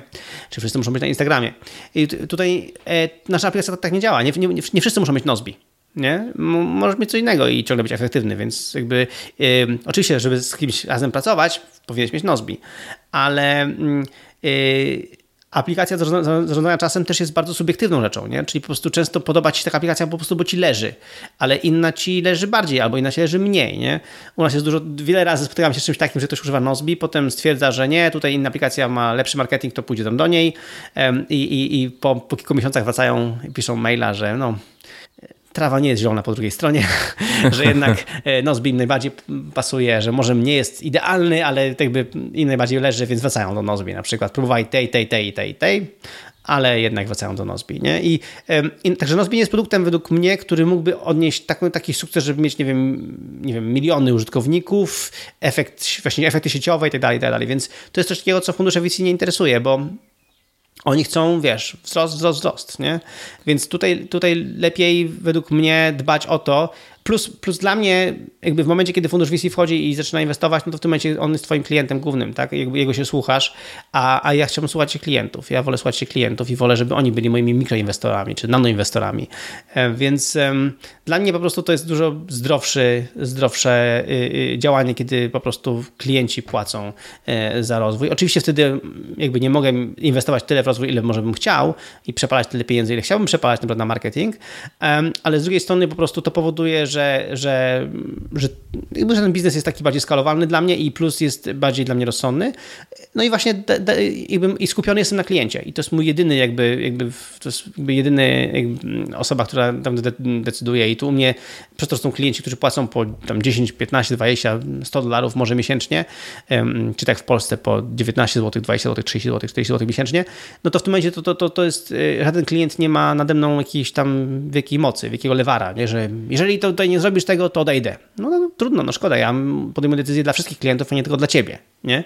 I, um, i, i to właśnie, że mamy taki model samo, samofinansujący się, daje nam y, y, to, że lepiej, według mnie lepiej służymy klientom, plus i, i oni jakby są dla nas najważniejsi, plus to, że y, mamy tą wolność decyzji. Nie? Jeżeli chcemy zrobić coś innego, coś, coś, coś, coś inaczej, teraz przygotowujemy bardzo fajne rzeczy w Nozbi i mi się wydaje, że normalny inwestor nam nie pozwoli na to, co teraz robimy, ale ja ten, jakby ja wiem, co mogę, na co mogę, na co mogę sobie pozwolić. Wiem, jaki bufor finansowy muszę sobie zbudować, żeby być w stanie, żeby, żeby mi na to było stać i, i, i to robię. Nie? I, I ta wolność prowadzenia biznesu, ta wolność to jest według mnie nie do przecenienia. To jest po prostu to jest, to jest super sprawa. I yy, dlatego fundusze VC, ja gadałem z nimi kiedyś tam na wczesnym, jeszcze, wcześniejszym jeszcze etapie, ale ja zawsze podchodziłem rozsądnie do rozwoju biznesu, zatrudniałem wtedy, kiedy mogłem zatrudnić.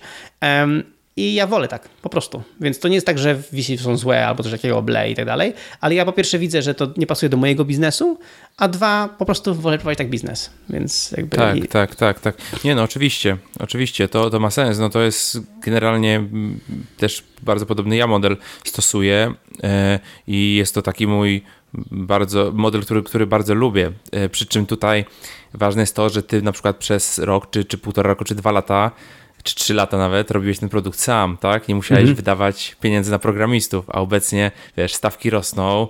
Tak. Y, jak ktoś zaczyna, ma nawet super pomysł i tak dalej, nawet zaplecze, wiesz, jest zajebistym y, marketingowcem mhm. y, i tak dalej, i tak dalej, jest w stanie promować to, no ale sam, sam tego nie zbuduje, tak? I w tym momencie musi mieć albo duży kapitał i to naprawdę, no jeżeli chce zatrudnić team programistów, którzy mu w pół roku czy rok będą siedzieć, pisać taki produkt, no to i ta kasa idzie w setki tysięcy złotych, nie? Oczywiście. E, i, i, i, tu jest, I tu jest wtedy problem. Także ty, ty miałeś, e, miałeś tutaj fajnie. Ja robię podobnie i też zawsze podkreślam, że e, jakby deweloperzy, programiści no mają bardzo fajną tutaj przewagę, taką, że mogą siedzieć po godzinach nawet, pracować na pół etatu, obok sobie budować jakiś biznes technologiczny, no i jak, jak załapie, no to przechodzimy na 100%, tak? To po prostu idealnie się wpasować w ten model. Tak, wiesz co, no, zgadza się oczywiście i ja to widzę teraz na przykład, bo teraz, teraz robimy, robimy taki dosyć duże sprzątanie w Nozbi, robimy taką no, dużą nową wersję w tej chwili, nie, nie mogę za dużo więcej powiedzieć, ale generalnie no, tylko powiedzieć, że jest bardzo e, grubo, znaczy to poważna sprawa i faktycznie widzę, widzę ile czasu to pochłania, nie? I ile kosztów to pochłania, no bo gdybym miał to jakby, ilu pracowników na tym siedzi, nie? I, i to rzeczywiście jest, jest spora sprawa. Na szczęście finansujemy to z bieżących klientów, nie? Z, bieżącego, z, z, z bieżącej wersji aplikacji. Czyli finansujemy tworzenie nowej wersji z bieżącej wersji aplikacji. Tak, nie? tak, to jest e, piękne. Więc to jest, więc to jest piękne, że tak możemy to zrobić. Nie? I um, ale to też powoduje, że tworzymy dłużej tą nową wersję, no bo tą, tą starą, obecną, albo starą, może nie starą, ale tą obecną wersję Nozbi chcemy utrzymywać też na, na, dobrym poziomie, nie? więc nie możemy jej zaniedbać na przykład, nie? Więc, więc to jest coś takiego, co wiesz, co, co, co te pieniądze, które wpływają nas obligują, żeby ta, ta wersja była jak najlepsza ciągle, pomimo iż pracujemy nad jeszcze, jeszcze lepszą, e, nad którą właśnie pracujemy, jakby ten, ten czas sobie rozdzielamy, nie? także tak, zgadza się, to jest, to jest, to jest prawda, jeżeli nie, że to finansowanie jest w tym momencie istotne, jeżeli chce się zrobić coś bardzo dużego. Tak samo oczywiście finansowanie jest istotne, nie wiem właśnie jak to są te startupy o elektryczne skutery, nie skutery, takie rzeczy, no to wiadomo, no, nikt ci nie włoży kasy na skutery. Tak, nie? Tak, tak. Nikt nie ma pieniędzy, wiesz, stać się może było na jednego skutera, no ale to jednym skutera nic, nic nie podziałasz, nie? E, więc mm, więc to, to jest jasne, nie? że są, jest wiele rzeczy, gdzie potrzebne jest duże finansowanie, ale ale często też mi się wydaje, że przesadzamy, że można naprawdę dużo, dużo fajnie, jeżeli właśnie, tak mówisz, umiesz programować i umiesz coś zrobić, albo yy, i to, to możesz zrobić bardzo fajną taką wersję pierwszą yy, i, i, zobaczyć, jak to, jak to chwyci. No i dla mnie kluczowym na przykład jest to, żeby, żeby szybko prosić o pieniądze, nie? Żeby szybko, żeby szybko um, spowodować, że, że ktoś zacznie za to płacić. Dlatego na przykład właśnie jak ktoś popatrzyłby na wersję Nozbi z maja 2007, no to pomyślałby, ktoś w ogóle zapłacił pieniądze w ogóle, jaki bez sensu, nie? Um, ale nie, zapłacił, no bo miał z tego wartość, nie? I, i, i, i, i to była wersja może nie jakoś super ładna i w ogóle, ale działała i, i 500 osób z tego już korzystało, więc, y, więc, y, więc ja celowo stwierdziłem, że muszę postawić sobie tą, tą, tą, tą, ten, ten szlaban i zobaczyć, ile osób to kupi, czy, żeby w ogóle wiedzieć, czy to w ogóle ma sens, nie? I jak znalazłem tych 100 pierwszych klientów, to wiedziałem, że okej, okay, coś chyba robię dobrze, bo 100 osób wyłożyło kasę. I to jeszcze było tak, że ja sprzedawałem wtedy, wtedy mm, abonament tylko na rok, a nie na miesiąc, nie? Czyli jakby te osoby wypłaci, wykupiły Nozbi na rok do przodu. Więc tym bardziej jakby to było dla mnie czadowe, że po prostu jakby tyle osób stwierdziło, ok, wykładam kasę na rok do Nozbi. Nie? Więc, dokładnie, e, dokładnie. Więc, więc to jest... E, I tak samo, tak samo my, my, my często mm, jak robimy promocję Nozbi, teraz będziemy robili promocję czerwcową, ale twoi, twoi ten słuchacze dostaną, dostaną ten sam kod promocyjny jakby wcześniej. E, genialnie, więc, e, genialnie. Więc tutaj zdradzamy już kulisy. No to jak robimy taką promocję czerwcową, teraz właśnie taką, raz na jakiś czas robimy taką specjalną promocję, żeby zmotywować użytkowników, żeby wykupili na rok, też po to, żeby ludzie szczególnie w naszym biznesie to jest takie fajne, żeby ludzi zmotywować, ok, wykup Nozbi na rok, żeby żeby, się, żeby, jakby, żeby w końcu się zdecydować, żeby przenieść swoje zadania do, do i rzeczywiście z tego korzystać. Nie? Bo często ludzie zakładają konto, korzystają tak ten, ale tak się nie mogą, wiesz, przekonać, nie? Znaczy, co się, przekonać się przekonać, ale bardziej nie, nie mogą... Zbudować nawyku. Tak, dokładnie. O właśnie, to jest to. Zbudować nawyku. Więc dla nas taka promocja, jak dajemy promocję na rok i dajemy dodatkowe miesiące gratis, nie? To jest tak, że, że jest, wykupisz konto na rok to dostajesz dodatkowe 3, 3 miesiące oprócz tego. Czyli oprócz 12 no, płacisz za tak naprawdę za, za 10 miesięcy, bo, ma, bo konto roczne jest, jest, jest już, już, już ma zniżkę, a dostajesz, wiesz, 15 nie? miesięcy, nie? więc jakby naprawdę to jest duża, duża promocja, to tym powodujemy, że ludzie się wtedy właśnie decydują, nie? przekonują się i wtedy jakby e, e, e, wyrabiają sobie ten nawyk i jakby motywują się, żeby podziałać. I, i I jak takie promocje nam się udają i, i wtedy mamy dużą, dużą sprzedaż, to ja wtedy pokazuję mojemu zespołowi tą sprzedaż i mówię, słuchajcie, lajki, nie lajki, bla, bla, bla. Tu macie lajki, nie? Ktoś właśnie wyłożył na Nozbi na rok, nie? To jest najlepszy lajk, jaki możecie dostać. Nie, to jest jego, własna, jego własne pieniążki, nie? jego własne, wiesz, 200 zł, które wyłożył na rok z góry, że, że będzie korzystał z Nozbi. Nie? Więc, y, no, y, więc to, jest, to jest najlepszy like, jaki możecie dostać. Wszystkie inne lajki na Instagramie to dalej to się nie liczy, nie? więc to, to, jest, to jest to. I wtedy po prostu, bo to, bo to jest coś takiego, to jest, wiesz, to jest właśnie nie klepanie po ramieniu, tylko okej, okay no mi się podoba, na tyle mi się podoba, że jestem w stanie zainwestować e, rok, e, żeby spróbować tej aplikacji porządnie nie? i ją przetestować. Oczywiście mamy gwarancję, wiesz, oddania pieniędzy i jak ktoś tylko komuś się nie podoba, to oczywiście oddajemy pieniądze w ogóle bez zapytania, bez problemów, bo, bo, bo tak powinno się działać ale, ale fajne jest to, że to powoduje taką motywację, a jednocześnie nam to daje po prostu takie lajki, które są wartościowe. Nie? Dlatego ja też właśnie y, tłumaczę ludziom, jak, którzy rozkręcają własne biznesy, biznesy, że naprawdę nie ma co się wstydzić o, prosić o kasę w którymś momencie, nawet szybkim momencie. Nie? Kiedy jeszcze to nie wszystko nie, nie jest na tip-top, ale już prosić o kasę, y, bo wtedy wiesz na pewno, że ta osoba chce z tobą działać. Nie? Ona chce być twoim klientem, ona chce, żebyś ty dalej rozwijał, rozwijała tą, to, to, to, to, to, to co robisz. Tak, e, a i w momencie, kiedy mieliście taki duży przyrost użytkowników, tak? Mówi, że już te 100 tysięcy stuknęło w, mhm. po dwóch, trzech latach. Y, mieliście jakieś problemy takie ze skalowaniem, y, z wydajnością tego wszystkiego? Znaczy od, tak, od takiej strony technologicznej. Mhm. Trochę było problemów, trochę było, niedużo na szczęście, trochę było problemów, ale to żeśmy, wiesz, to są świetne problemy, nie? Bo to są problemy, znaczy, że okej, okay, no to trzeba wydać więcej na serwer, ale jeżeli masz klientów, którzy ci płacą, no to no to kupujesz kolejne serwery, nie? To się nie przejmujesz tym. I więc ja pamiętam, że to nie były straszne problemy. Dla mnie yy, yy, najfajniejszy jest teraz moment, kiedy mamy, jakby od, od, kilku lat już mamy taki fajny setup, że, że wiem, że oprócz tego, że mamy dobre serwery, na których stoi Nozbi, to jeszcze mamy bardzo dobre, dobre serwery backupowe. Nie? Że konto w tej chwili jest tak, że jak y, twoje konto w Nozbi jest kopiowane w czasie rzeczywistym na trzy inne serwery na trzech różnych kontynentach nie? twoje dane.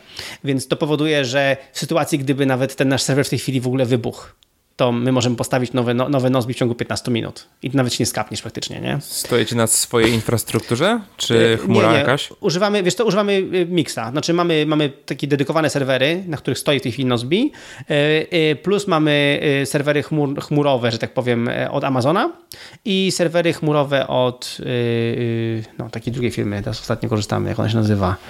E, Microsoft, IBM, nie, nie, e, Google. Co, czekaj, czekaj, e, Digital, Digital Ocean. No, Digital Ocean A, też, okay, ma, też, okay. też ma fajne, fajne takie chmurowe rozwiązania, więc instancje. Więc, więc mamy ileś tam tych, tych chmurowych plus, plus właśnie plus własne. Nie? Że własne, no też wynajęte, ale takie normalne serwery. Nie? Więc mamy taki miks. I to w zależności od tego, do czego potrzebujemy, to, to, to, to do tego jakby, że powiem, kupujemy te, te, te serwery. Nie? Dobra, czyli techniczną, techniczną część ogarnęliście, a taką część właśnie kontaktu z klientem, supportową, no 100 tysięcy ludzi, jak napiszę maila, No, szczególnie w czasie promocyjnym jest, jest, jest jazda bez trzymanki, nie? Wtedy rzeczywiście, jak są promocje, to wtedy po prostu ludzie piszą maile, no bo wiadomo, też jeszcze ci, którzy chcą już kupić na ten rok, zastanawiają się jeszcze, tam mają jeszcze ostatnie pytania i tak dalej, to, to, to wszystko trwa, ale, mm, ale też ogarnęliśmy, no my nie mamy, nie oferujemy wsparcia klienta telefonicznego, tylko i wyłącznie mailowo, chociaż czasami dzwonimy do klientów, czego oni się nie spodziewają, nie? E, plus umawiamy się na rozmowy, w sensie na, tak my, jak ja z tobą teraz na rozmowy się umawiamy, e, też, też, też, też rozmowy na wideo e, z niektórymi klientami, klientami, w zależności od sytuacji, ale generalnie przez maila, no i mamy tyle osób w zespole, wiesz, że teraz ogarniamy spokojnie te, te, te mm, bardzo szybko wsparcie klienta i to w różnych strefach czasowych. Jedna osoba, która u nas pracuje, mm, ona mieszka w tej chwili na, na Tajwanie, więc jakby mamy dużą strefę czasową tam ogarniętą na przykład, nie? E, więc, więc e, wsparcie klienta bez problemów. E, też kwestia, wiadomo, ustawienia tych oczekiwań klientów. Mieliśmy przez jakiś czas czata, takiego real-time czata, ale widzieliśmy, że te pytania, które zadają na, na, na czacie, to nawet są te same, które zadawali na mailu, a na czacie nie, nie byliśmy w stanie im dać dobrej odpowiedzi, tylko taką dosyć zdawkową. A my w ogóle nie lubimy zdawkowych odpowiedzi, jakby, jakby wolimy dać komuś dobrą odpowiedź od razu, nie? I, i, i w tym momencie wolę dostać maila i na niego odpowiedzieć i to, i to, i tak robimy bardzo szybko, niż, niż po prostu na czata próbować na, na, na, tak na, na kolanie komuś tam pomóc. Tak. A mówisz, że teraz macie już 25 pracowników około. Tak. E, no i jak to się rozkłada pomiędzy powiedzmy development, support i tak dalej? Mhm. No, to jest mniej więcej tak, wiesz, jedna trzecia support, jedna trzecia development, trochę więcej niż jedna trzecia development y, i, i, i, i też niecała jedna trzecia marketing. Nie? I teraz, także to, nawet w tej, w tej chwili zatrudniamy najwięcej osób znaczy, w tej chwili bardziej inwestujemy w rozwój teamu trochę deweloperskiego, ale też bardziej w team, team marketingowy. Nie? Mamy dużo więcej jakby tych platform marketingowych, tych kont na social media, tych kampanii reklamowych, to wszystko nam się zaczyna rozrastać, więc tutaj dużo osób e, e, potrzebujemy teraz do marketingu. E, I co więcej, osoby z supportu też dzielą pracę między supportem i marketingiem trochę, nie? żeby też miały dostęp, miały kontakt z klientem też w ten drugi sposób, taki bardziej proaktywny. Więc, e, więc też wykorzystujemy trochę e, własne osoby z supportu, żeby też trochę robiły marketingu. Także, mm, także mniej więcej jak to wygląda. Taki, no, mm -hmm, myślę, że, myślę, że tak devu to jest właśnie no, trochę ponad dychę, także ich jest więcej rzeczywiście, a potem reszta to jest właśnie marketing i support. Jasne, jasne.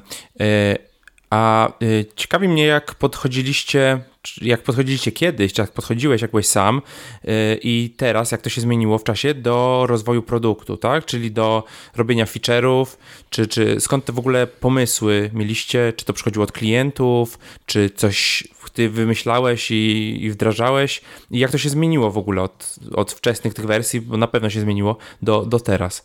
Znaczy wiesz, ciągle się uczymy od klientów, to jest, właśnie, to jest, to jest super, to jest bardzo fajne, że od klienta się strasznie dużo nauczysz, więc klienci nam często sugerują różne rzeczy i potem my sobie je wewnętrznie analizujemy. My, my przyjmujemy oczywiście wszystko jako, jako, jako sugestie, ale już potem nie wdrażamy wszystkiego, nie? tylko myślimy o tym globalnie, co chcemy wdrożyć. Bardziej zastanawiamy się, jaki klient ma problem, niż jaką funkcję chce. Nie? E, więc to jest jakby podstawowa, że chcemy, chcemy zobaczyć, jaki jest problem i jak go w tej chwili rozwiązujesz, a jakbyś chciał go rozwiązać i wtedy zastanowimy się, jak my myślimy, że powinien go chcieć rozwiązać. Nie? Więc jakby e, to jest takie, takie podejście do, do tworzenia nowych funkcji, ale uczymy się bardzo dużo od klientów i też sami używając. My używa, używamy Nozbi w własnej, my używamy Nozbi do prowadzenia Nozbi. Nie? Także wewnętrznie, e, wewnętrznie nie wysyłamy do siebie w ogóle maili, więc tak gadaliśmy. Po pierwsze pracujemy na odległość, po drugie... Mm, E, po drugie, e, e, nie wysłamy do siebie maili, tylko wszystko komunikujemy się tylko i wyłącznie przez projekty, które współdzielimy w Nozbi i przez zadania w tych projektach. Każde zadanie może mieć komentarz, zadania można delegować na konkretne osoby, więc dzięki temu wiemy, kto za co jest odpowiedzialny, gdzie jest dyskusja, przy jakim zadaniu, a nie ma po prostu dziwnych maili, które sobie wysyłamy. Więc maile, maile w ogóle out. Nie, nie, nie, maile korzystamy tylko z zewnętrznymi osobami, czyli z tobą mailowaliśmy, widzisz, przez no asystentkę, tak. żeby dograć do, do, do, to spotkanie.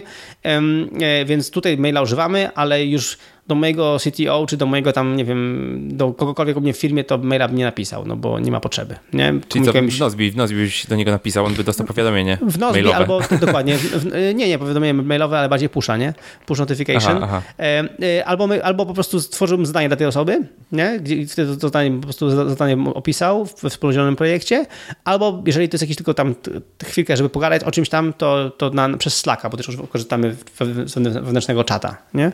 To tam tak. bym mógł tam dać znać. Ale przeważnie to jest właśnie tak, że jeżeli coś konkretnego od kogoś chce, to tworzę tej osobie zadanie, zadanie po prostu w, w, e, w, komentarzu opisuję to zadanie, o co mi chodzi i deleguję na tą osobę i, i ona to potem się tym zajmuje. Jak trzeba pogadać, to tam się, to się, to się umawiamy, kiedy się dzwonimy, żeby pogadać przez wideo. Miałeś, miałeś nasze nagranie dzisiejsze w Nozbi? Oczywiście, Wpisane? że tak. A. Oczywiście, że tak. Jego zadanie w Nozbi normalnie jest, jest wpisane i jest w komentarzach. W komentarzu właśnie, w koment- no i to jest genialne, w komentarzu miałem od kogo kto ty jesteś. E, e, pytania do Michała w formie PDF-a, więc mogłem sobie, sobie, sobie to ściągnąć, więc miałem wszystko w jednym, wiesz, w jednym zdaniu, więc, więc jakby tuż przed, przed naszym spotkaniem miałem powiadomienie, że za, tam za 15 minut będzie, będzie rozmowa, mogłem spokojnie do tego wrócić, e, przejrzeć pytania, po prostu zobaczyć ten, trochę o tobie poczytać, więc przygotować się do spotkania. Wszystko miałem w jednym miejscu, nie? Więc Super. No, no, tak jest najprościej po prostu. No. Super, super, super. A tak właśnie w kontekście tych feature'ów mam takie pytanie, pytanie od, od fanów. Pytałem mhm. społeczności, jakie pytanie by ci zadali. Aha. I takie pytanie się powtarzało. Czemu w Nozbi nie ma podprojektów? E, dokładnie, dokładnie. To jest taka to jest... szpila pewnie, nie? Nie, nie, nie. To jest, to jest temat, z którym walczymy od, od, od, od lat. Ym, yy, dlatego, że znaczy my teraz właśnie pracujemy nad nową wersją Nozbi, gdzie ten temat jeszcze lepiej rozwalimy niż obecnie to jest zrobione w Nozbi. Na tej chwili Nozbi jest tak, że masz projekty, w projektach masz zadania. W zadaniu możesz mieć komentarze. I często jest tak, że jednym z komentarzy może być po prostu checklista. I często po prostu my podprojekty traktujemy po prostu jako zadanie, które po prostu ma więcej kroków, takich prostych kroków. Chodzi o to, że podprojekty albo pod, pod, pod, pod projekty widzimy, że jakby ja od zawsze to widziałem i widziałem to u konkurencji, która miała podprojekty, ona tworzy zły nawyk, bo tworzy nawyk tworzenia hierarchii. Przy tworzeniu hierarchii tworzy się coś takiego, co ładnie wygląda, a to potem jest nie do używania. E, I, jakby ja to wiem w praktyce, bo próbowałem. E, I próbowaliśmy wiele razy też. E, więc idea jest taka, w Nozbi naszym zdaniem, dlatego nie lubiłem zawsze, że o Nozbi się mówiło task manager, czyli aplikacja do zarządzania zadaniami. Bo my nie jesteśmy do, do, do, do zarządzania zadaniami, my jesteśmy do robienia zadań. Czyli to jest, ja się śmiałem, że Nozbi to jest task doer, a nie task manager. Mhm. I, i, I dla nas najważniejsze jest, żebyś jak tworzysz zadanie, to szybko od zera do, zrobienia, do zrobione. A w momencie, kiedy tworzysz sobie fajną strukturkę, jak masz podprojekty, podprojekty, podprojekty, podprojektów, to, to jest ładnie to wygląda, ale według mnie to po prostu się nie skaluje i przy dużej liczbie zadań to po prostu gubisz się, co gdzie masz, w którym podprojekcie to dodałeś. To tak jak wiesz, to tak jak mm, e, na twardym dysku możesz mieć foldery, podfoldery, podfoldery, podfoldery. Tak, to w którymś tak. momencie zaczynasz zauważać, że kurczę, tej, tutaj jest za dużo tego wszystkiego, nie? To powinno być bardzo, dużo bardziej płaskie. I im bardziej płaska struktura, tym lepiej. Dlatego my wolimy e, w obecnej wersji Nozbi właśnie, że grupujemy projekty przez e, labelki, czyli przez etykiety, wtedy możesz projekty grupować. Ja tak wszystkie projekty grupuję w odpowiednie sposoby. E, na przykład wszystkie projekty odnośnie marketingu grupuję jako projekty marketingowe itd. Tak e, natomiast oprócz tego mamy też tą strukturę, że w zadaniu możesz mieć checklistę, czyli możesz mieć takie podzadania, ale takie bardzo proste. Czyli sytuacji, kiedy zadanie zajmuje Ci trochę więcej kroków, ale to ciągle jeszcze nie jest projekt, to po prostu dajesz sobie checklistę, czyli taką mm, e, małe pod, pod, podpunkty, które musisz wykonać, żeby to zadanie zostało zrobione. Także, yy, także te podprojekty to jest, to jest typowa, jakby to jest, to jest jakby walka od dawna yy, i, i, i wiele osób yy, się z nami o to kłóci, grozi, albo nawet nie tyle grozi, co przechodzi do, konkuren do, do, konkurencji, bo mówi, że no tego nie ma i skoro tego nie ma, to oni mają nas gdzieś i chcą gdzieś indziej. Część osób niestety wraca, albo niestety wraca, bo stwierdza, ok, tam zrobiłem sobie strukturę i potem się zajechałem, nie? A, a jednak w Nozbi to było prostsze, więc, um, więc widzimy, że widzimy po ludziach, że ludzie wracają potem i korzystają jednak z tej naszej struktury, ale teraz w nowej wersji Nozbi będziemy też starali się to jeszcze lepiej zaadresować, także mamy pewne pomysły, żeby to zrobić jeszcze lepiej, ale to ciągle nie będą podprojekty takie, takie per se, dlatego że po prostu widzimy, jak to działa, widzimy, jak E, jak pracujemy my, widzimy jak pracują, pracują inni i widzimy, że takie na ślepo dodawanie podprojektów tylko dlatego, że można, to u konkurencji kończyło się tym, że po prostu to, to, to przestało się skalować. Także okay. Ja po prostu jestem fanem prostych rozwiązań i prostej struktury i jestem zdania, że w większości przypadków prostsze wygra. Nie? I prostsze spowoduje, że, że, że, będzie ci łatwiej. I nawet jeżeli myślisz, że, masz, że potrzebujesz podprojekt, to, to, to, to zastanów się, czy, czy może nie potrzebujesz. Czy może wystarczy, że na przykład właśnie pogrupujesz sobie zadania w jednym tym jednym projekcie, czy właśnie stworzysz sobie na przykład checklisty w jakimś zadaniu, co spowoduje, że, że, że tam masz te takie jakby dodatkowe informacje.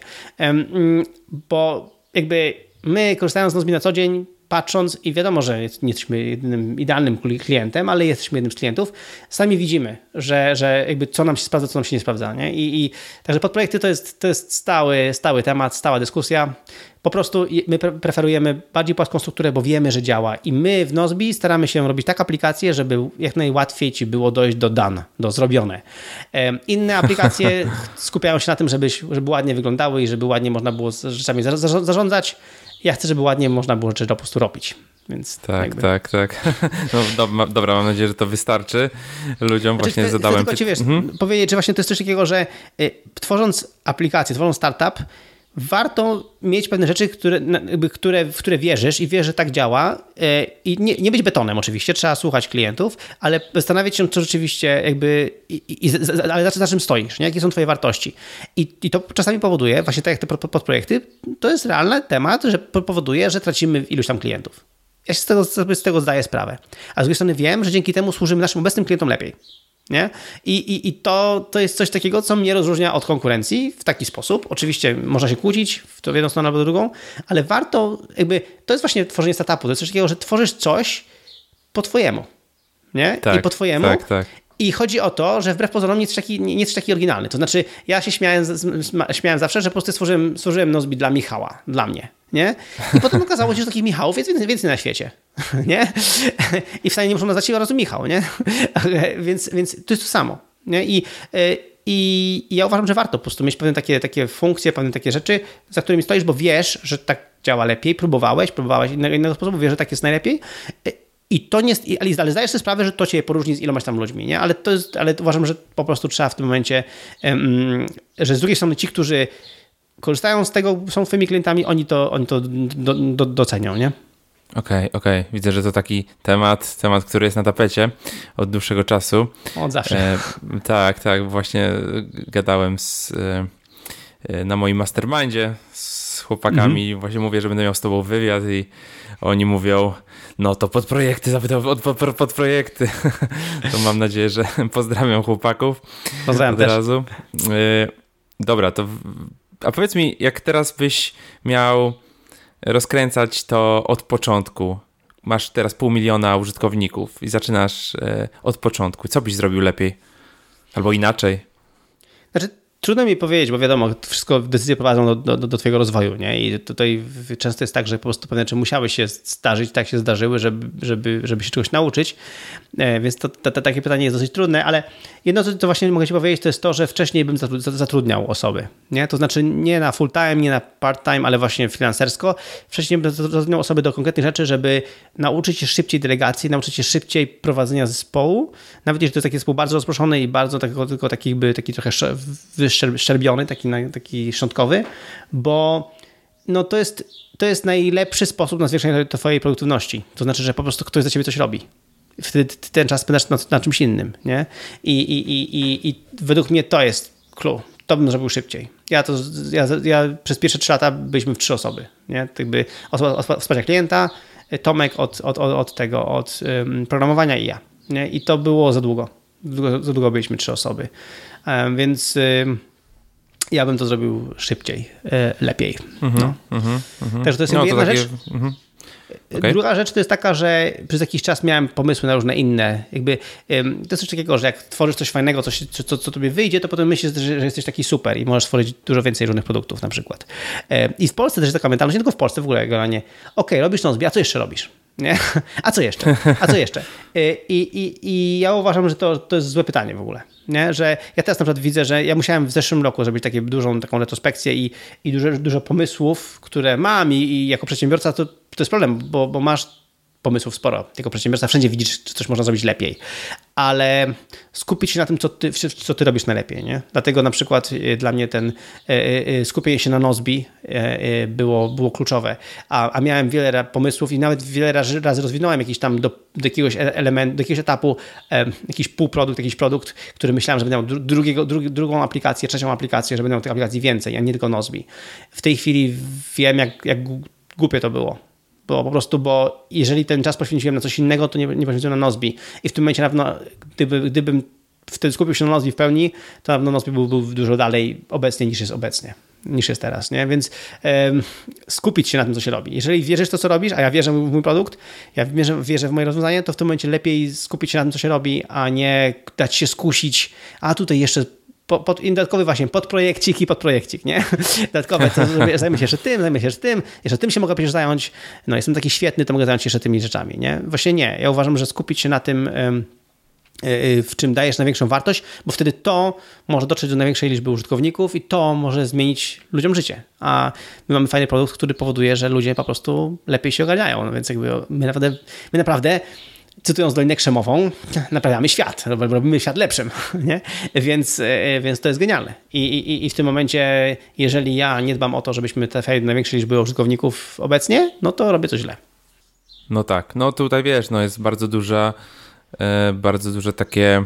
Mm, taka chęć, wiesz, wystartowania czegoś nowego. Znaczy, to też zależy od mentalności ludzi. Jedni są ta, takimi ludźmi, którzy lubią zaczynać, tak? Budować od zera do X, tak? A inni lub, lubią jakby rozwijać biznesy.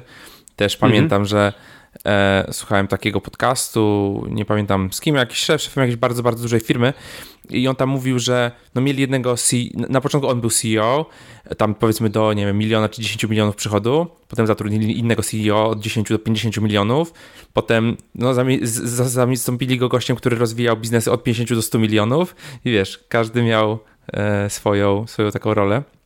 Oczywiście, dokładnie. Wtedy, ale, ale wiesz, kwestia właśnie postanowienia sprawy uczciwie. To znaczy, jeżeli tak, no to spoko, no to wtedy ktoś inny powinien to pociągnąć, a nie, że ja udaję, że ciągnę to jeszcze, a oprócz tego robię coś innego. Nie? E, tak, I, tak, i, tak. I, I, to były takie błędy, które ja popełniałem, że, że mogłem, myślałem, że będę mógł robić i to, i to, i, i coś jeszcze. Nie? I, um, no.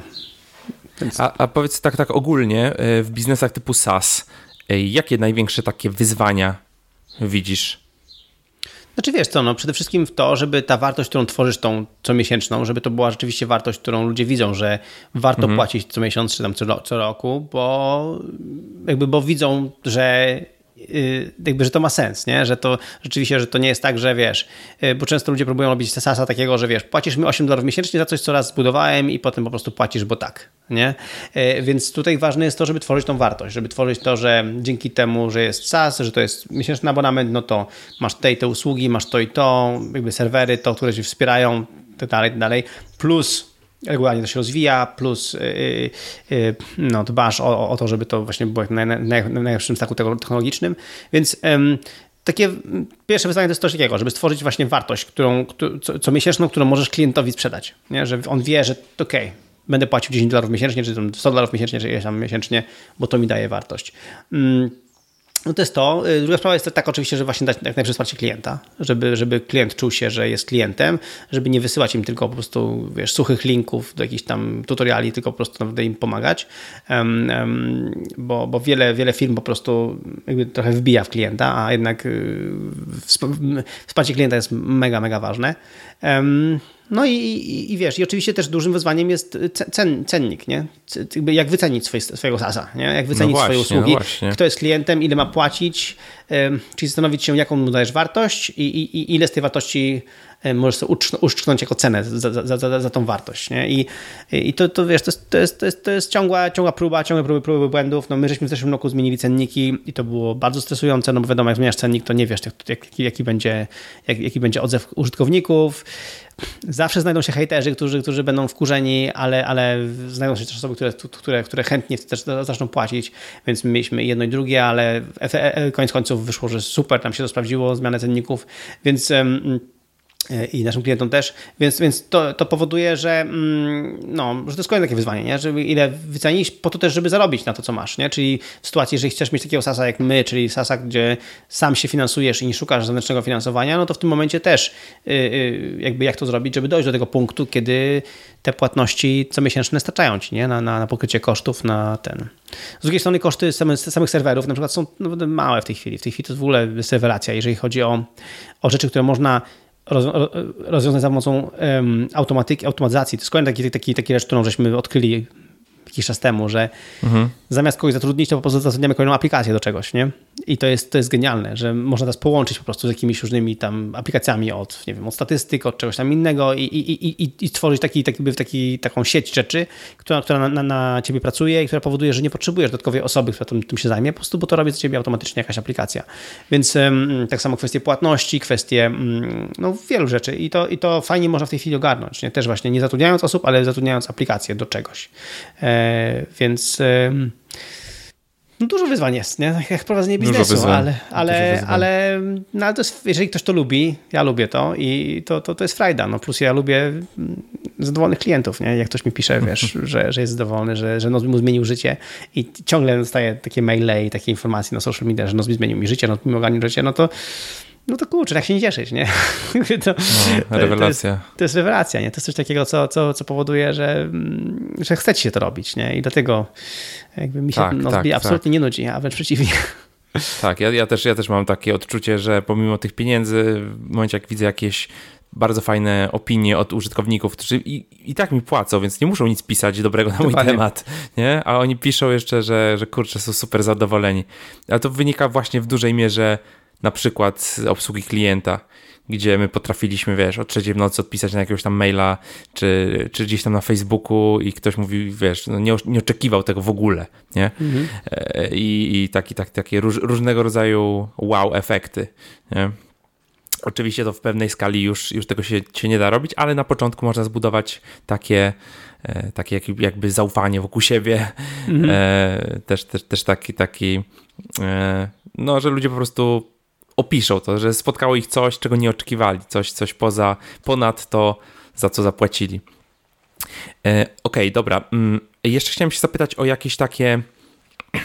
E, no bo nie wiem, czy jesteś zdania, że każdy powinien wychodzić od razu za granicę? Od razu wersja angielska i, e, i, i jedziemy międzynarodowo?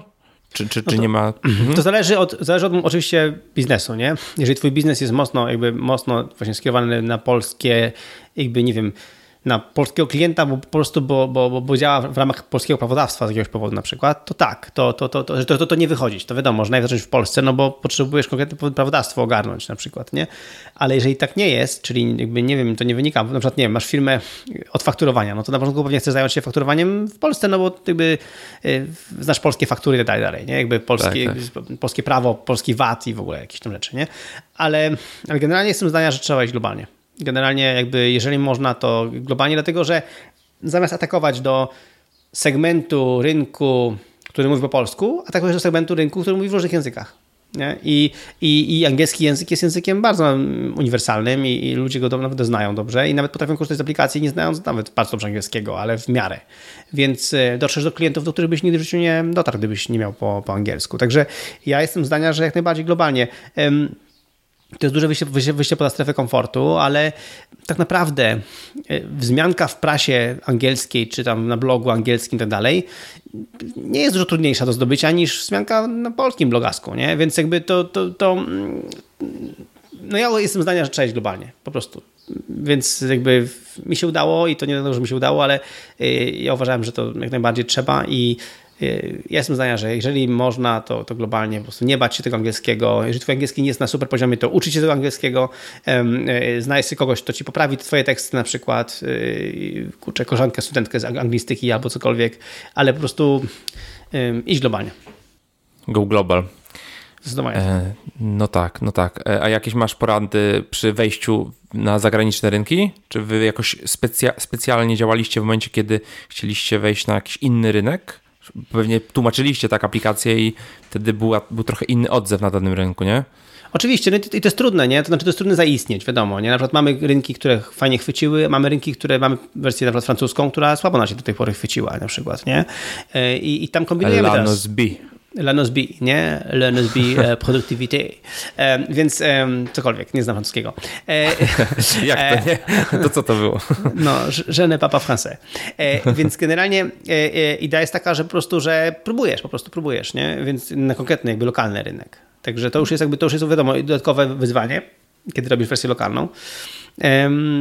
My teraz, teraz będziemy tłumaczyli Nozbi na kolejne języki i też będziemy robić to stopniowo i po prostu stopniowo się wdrażali, patrzyli, gdzie byśmy mogli wypromować, jakbyśmy wypromować mogli i tak dalej. Więc to mm, teraz przez Facebooka jest dużo łatwiej, można robić Facebook, te reklamy przez Facebooka i tak dalej. E, można próbować z, tym, z, tym, z tymi treściami E, zaistnieć wśród ludzi, którzy w ogóle Ciebie nie znają. E, więc kontaktować się ciągle z blogerami, jakimiś tam innymi osobami, które, które, które używają Nozbi. Także to trudno powiedzieć, ale y, na pewno warto robić wersję angielską, a potem już wersje lokalne, no to trzeba samemu się zastanowić. Trzeba na pewno odpowiadać na potrzeby użytkowników, ale też trzeba spokojnie. Najpierw właśnie wersję angielską i potem zastanowić się, jakie jeszcze wersje, nie? Wiadomo, ktoś, kto jest z Polski, to pewnie zrobi wersję angielską i wersję polską oczywiście, no bo to jest naturalne, jakby, żeby to zrobić.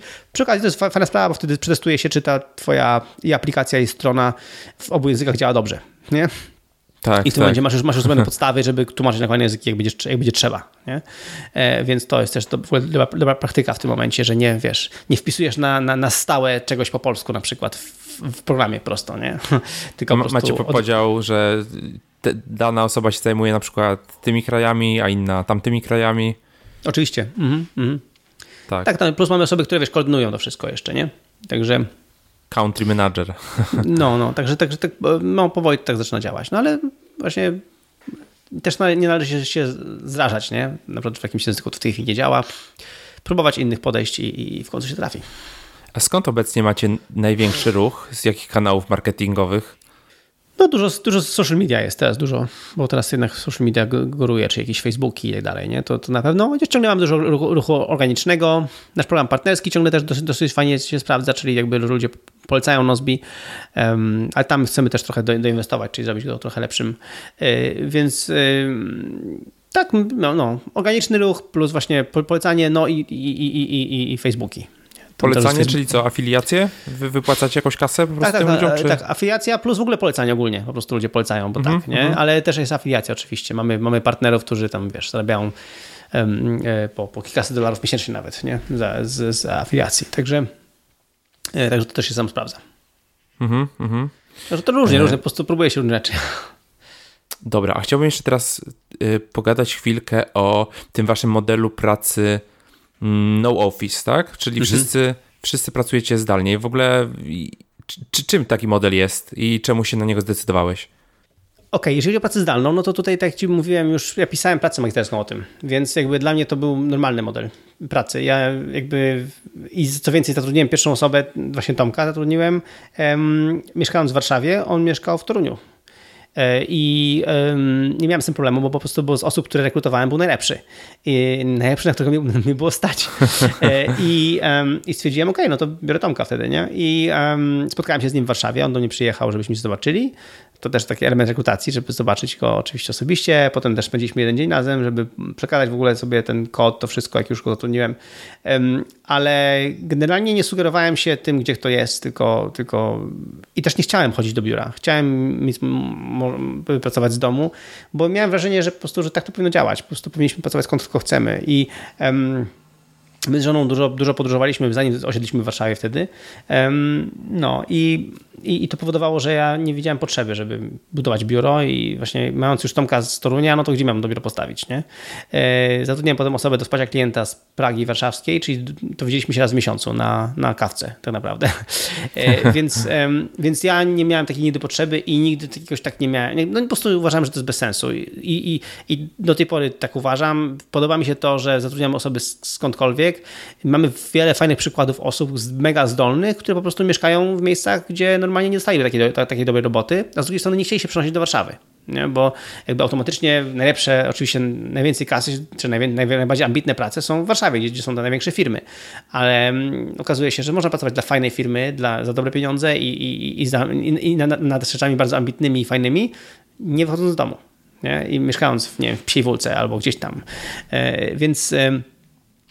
E, Y, więc dla mnie to był taki element, że spoko. Y, y, I mm, tak zbudowaliśmy sobie pracę w firmie, żeby właśnie pracować asynchronicznie, czyli pracować właśnie nad czymś, przez zadania w Nozbi się komunikować, przez komentarze i, i spowodować, że, że ten, że, mm, że mimo wszystko czujemy się, jakbyśmy byśmy się byli ze sobą blisko, ale, ale jednocześnie każdy miał czas na swoją pracę. I to ja to widzę, że dzięki temu po prostu bardziej się lubimy, bo lubimy się przez to, że do, do, dostarczamy sobie super pracę. Nie? Dostarczamy sobie super wyniki pracy. E, w, w, w, biurze, no to po pierwsze marnujesz czas na do, dojazdy i tak dalej, ale dwa, no też w biurze można nieźle fejkować robotę, nie? Bo po prostu się jest, siedzisz na, na spotkaniach, ale tam się Dokładnie. nie ma czasu porobić robotę, nie? A, a tutaj po prostu nie ma wyjścia. Na zdalnie po prostu musisz, musisz dowieść. Nie dowozisz to trochę, to, to, to siara. Tak, to, to po prostu nie? widać. To po prostu, to po prostu widać. widać. Tak, tak. Dlatego, um, dlatego praca zdalna była zawsze dla mnie jakby clue. No i to więcej, jak potem okazało się, że musimy z Warszawy wyjechać, bo tam żona dostała pracę gdzie indziej, no to nie było problemu w ogóle. Nie, to... najlepsze było to, jak zatrudniłem asystentkę y, Magdę, która mm, y, mieszkała w Warszawie, y, znaczy teraz znowu mieszka w Warszawie, ale wtedy mieszkała w Warszawie i, i, i tak była zdziwiona, że teraz nigdzie nie będzie chodzić do żadnej pracy, tylko musi pracować z domu. Ale po pół roku takiej pracy ze mną pyta się mnie, czy, czy może do Francji pojechać, bo zawsze jej się marzyło. No ja spytałem się jej, zadałem jej kluczowe pytanie, czy we Francji mają internet. no i ona się, ona się roześmiała i powiedziała, że Okazało się, że, nie. Że nie. Właśnie okazało się, że nie.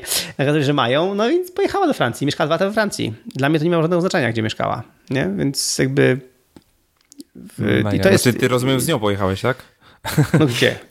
Gdzie? No ona pojechała do Francji, ja pojechałem zupełnie gdzie indziej, więc, więc jakby nie, dla mnie nie ma znaczenia, że ona na gdzie, zupełnie gdzie indziej, nie? Zupełnie, A okej, okay, asystentka, asystentka, tak, asystentka. dobra. Pomyślałem, asystentka, nie, nie. pomyślałem, że żona.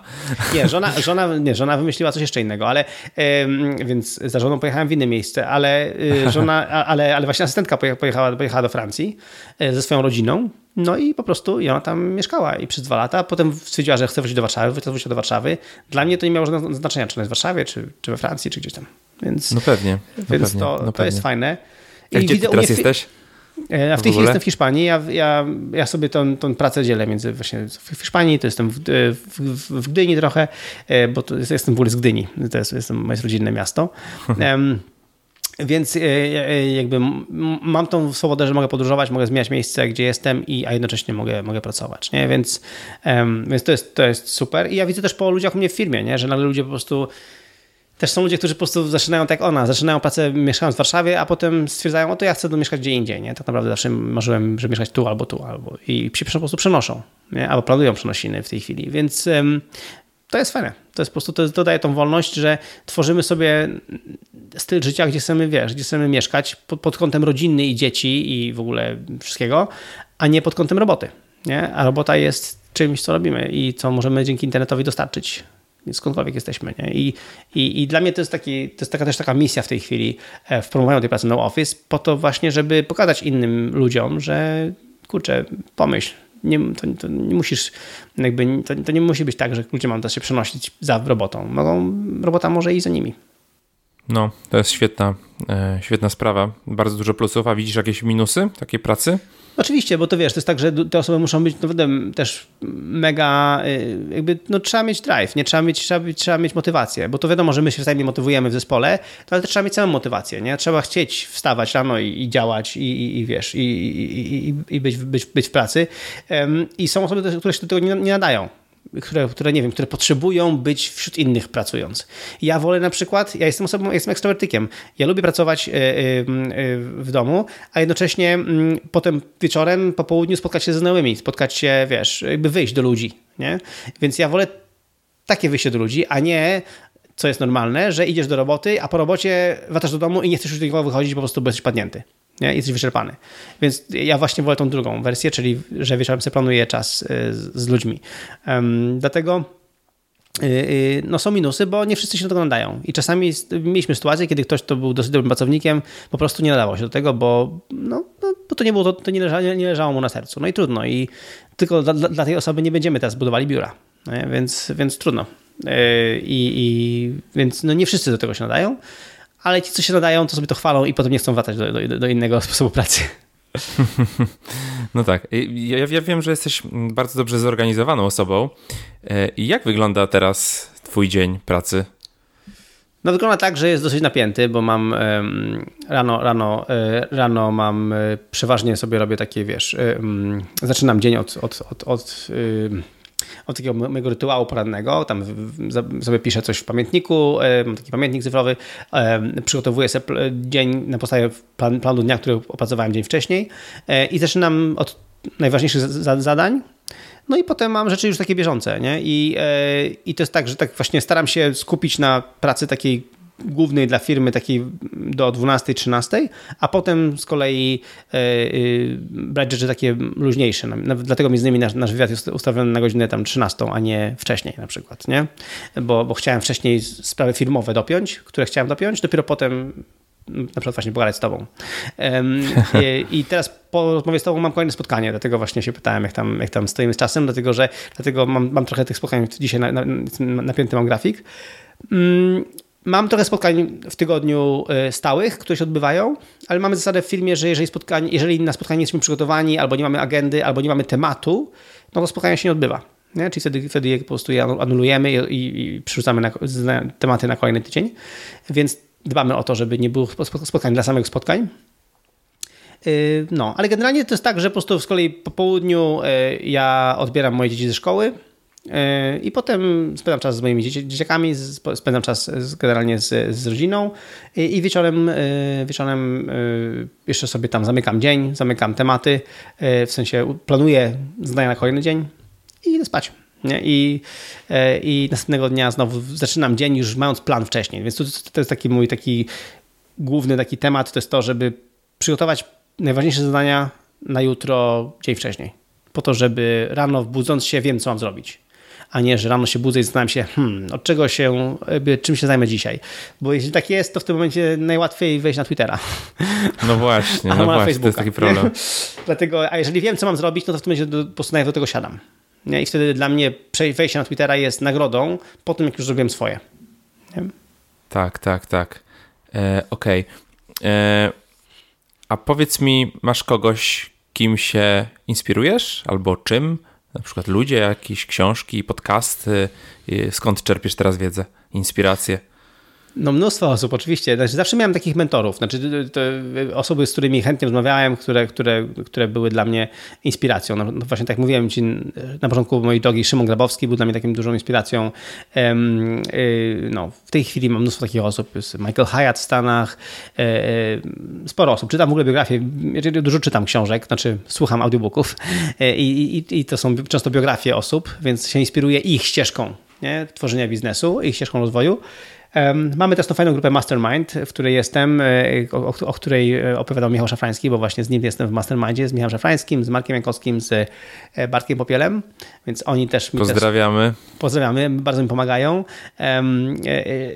cisnąć tematy. Mm, no i mam jeszcze tak sporo osób, z którymi, który, które raz na jakiś czas się spotykam, żeby tak po prostu sobie pogadać wzajemnie, sobie wymienić spostrzeżeniami tak właśnie wzajemnie sobie pomentorzyć.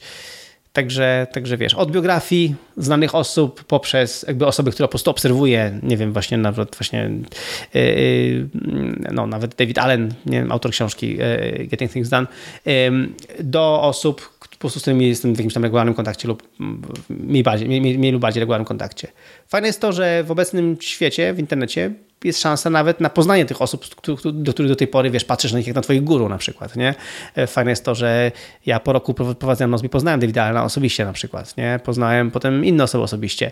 E, Michaela Hayata, którego też bardzo, bardzo lubię, poznałem osobiście, więc jest, jest szansa poznać osoby, osoby potem jakby dzięki social media i potem jakby konferencji czy tam spotkań poznać osobiście osoby, które wcześniej dla ciebie były po prostu tymi, tymi tam guru. Nie? Dokładnie. I, I to jest fajne. Można ich zaprosić do podcastu na przykład. No na przykład, dokładnie, dokładnie. Ja tak miałem, przecież jak miałem Proactive Magazine, to ja chętnie, wiesz, wtedy, wtedy umawiałem się na, na wywiady i nagle, wiesz, miałem wywiad z Sethem Godynem, z, z, z, fajnymi osobami, także taki podcast, co robisz, to jest genialna sprawa, nie? To możemy sobie pogadać, a jednocześnie, no, poznasz właśnie osoby, z którymi, które, które chciałeś zawsze poznać. I to samo ja robiłem, jak miałem Proactive Magazine, to samo ciągle robimy do naszego bloga Nozbi, więc to jest, to jest, to jest genialne, nie? To, to bardzo fajnie się sprawdza. Dokładnie.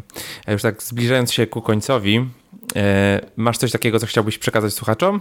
Jakieś przemyślenie, swoje myśl, jakieś pytanie albo no w sumie cokolwiek? No ja myślę, że wiesz, to co najważniejsze już przekazaliśmy nie? podczas tej rozmowy. Um, no, żeby się nie bać, żeby i też nie bać się, o, może o, czego, czego nie powiedzieliśmy, to jest um, nie bać się w ogóle konkurencji. To znaczy w ogóle nie myślę o konkurencji. Znaczy, znaczy, bo gdybym ja myślał o konkurencji, słuchajcie, to ja wiesz, to, ja, to byś miał już podprojekty. Nie, ale Bogusz, gorzej, gorzej. Gdybym miał gdybym myślał o konkurencji, ja bym, już, ja bym już dawno się, wiesz, sepuku bym zrobił. Ja bym samobójstwo strzelił, wiesz, popełnił. Dlatego, że aplikacji, to-dos, tak dalej, to jest mnóstwo na świecie. No umówmy się, tego jest po prostu wpyte. No. I wtedy jak myślisz, że ich jest tyle, no to myślisz sobie, jejka, no to kto będzie używał mojej aplikacji, że jest tyle aplikacji, nie?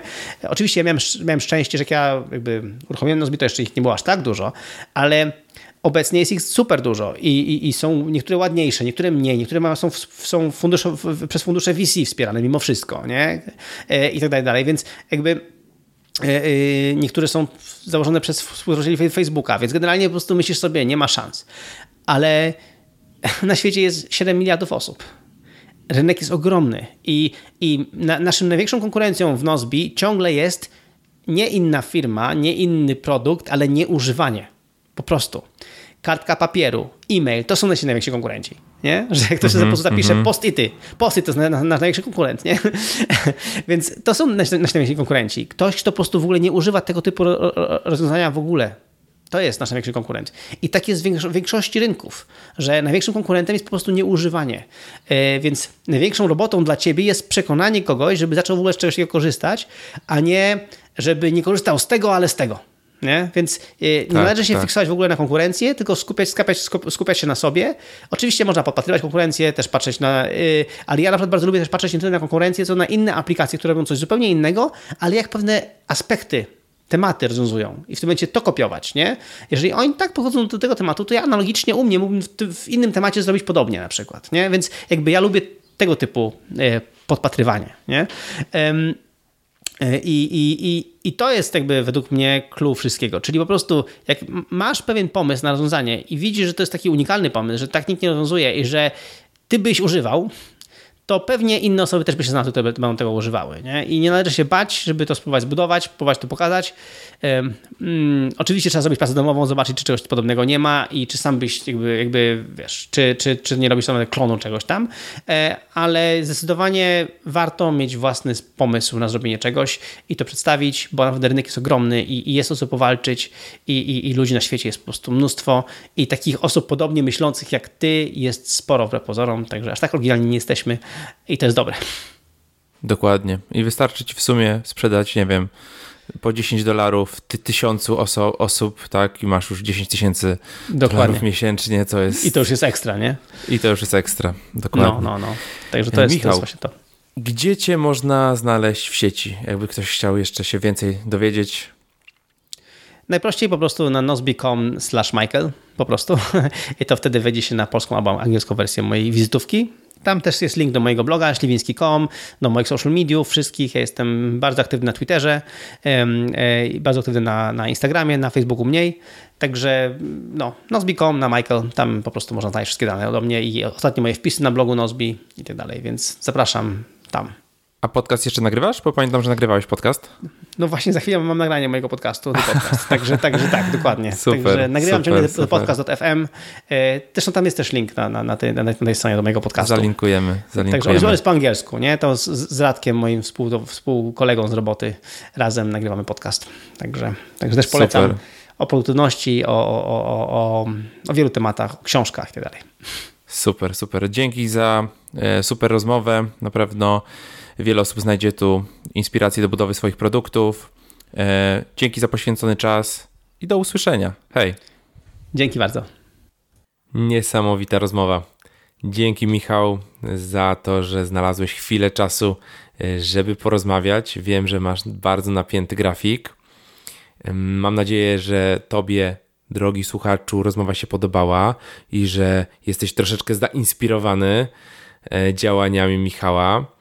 E, przypominam, że Michał dał nam kod rabatowy, który daje 3 miesiące e, przy 3 miesiące gratis przy zakupie pakietu rocznego, e, co przekłada się na, na to, że płacimy za 10 miesięcy, a dostajemy jeszcze dodatkowe 5 miesięcy za darmo. 2 miesiące jakby w standardzie, plus 3 miesiące z kodu rabatowego. Y, kod jest dostępny w notatkach do, do, do tego odcinka pod adresem startupmyway.com łamane na 12 y, oraz bezpośrednio y, pod linkiem startupmyway.com łamane na nozbi. Pisze się nozb. No i zapraszam na, na giveawaya, jeżeli słuchasz tego jeszcze w roku 2018 w w okolicach e, lipca e, czy sierpnia, to myślę, że jeszcze ten giveaway e, będzie aktywny. Zapraszam na giveaway pod adresem startupmyway.com łamane na token lub bezpośrednio na fanpage na Facebooku Startup My Way, który zachęcam do, do polubienia, obserwowania, bo będą się tam pojawiały różne ciekawe akcje. Zapraszam też do obserwowania mnie na Twitterze mój Twitter handle to boguszp. No i jeżeli uważasz, że ten odcinek ma wartość, koniecznie podziel się nim e, na Facebooku, na Twitterze, na LinkedInie. E, wyślij link komuś mailem, jakkolwiek, jak lubisz, ale myślę, że warto szerzyć taką wiedzę, bo jest to, jest to dosyć unikatowa rzecz. Człowiek tutaj z Polski, nasz rodak, dochodzi do tak tak dużych sukcesów. Mm, niesamowita sprawa. To tyle na dzisiaj. E, dzięki Ci za uwagę i zapraszam do kolejnego odcinka już za dwa tygodnie.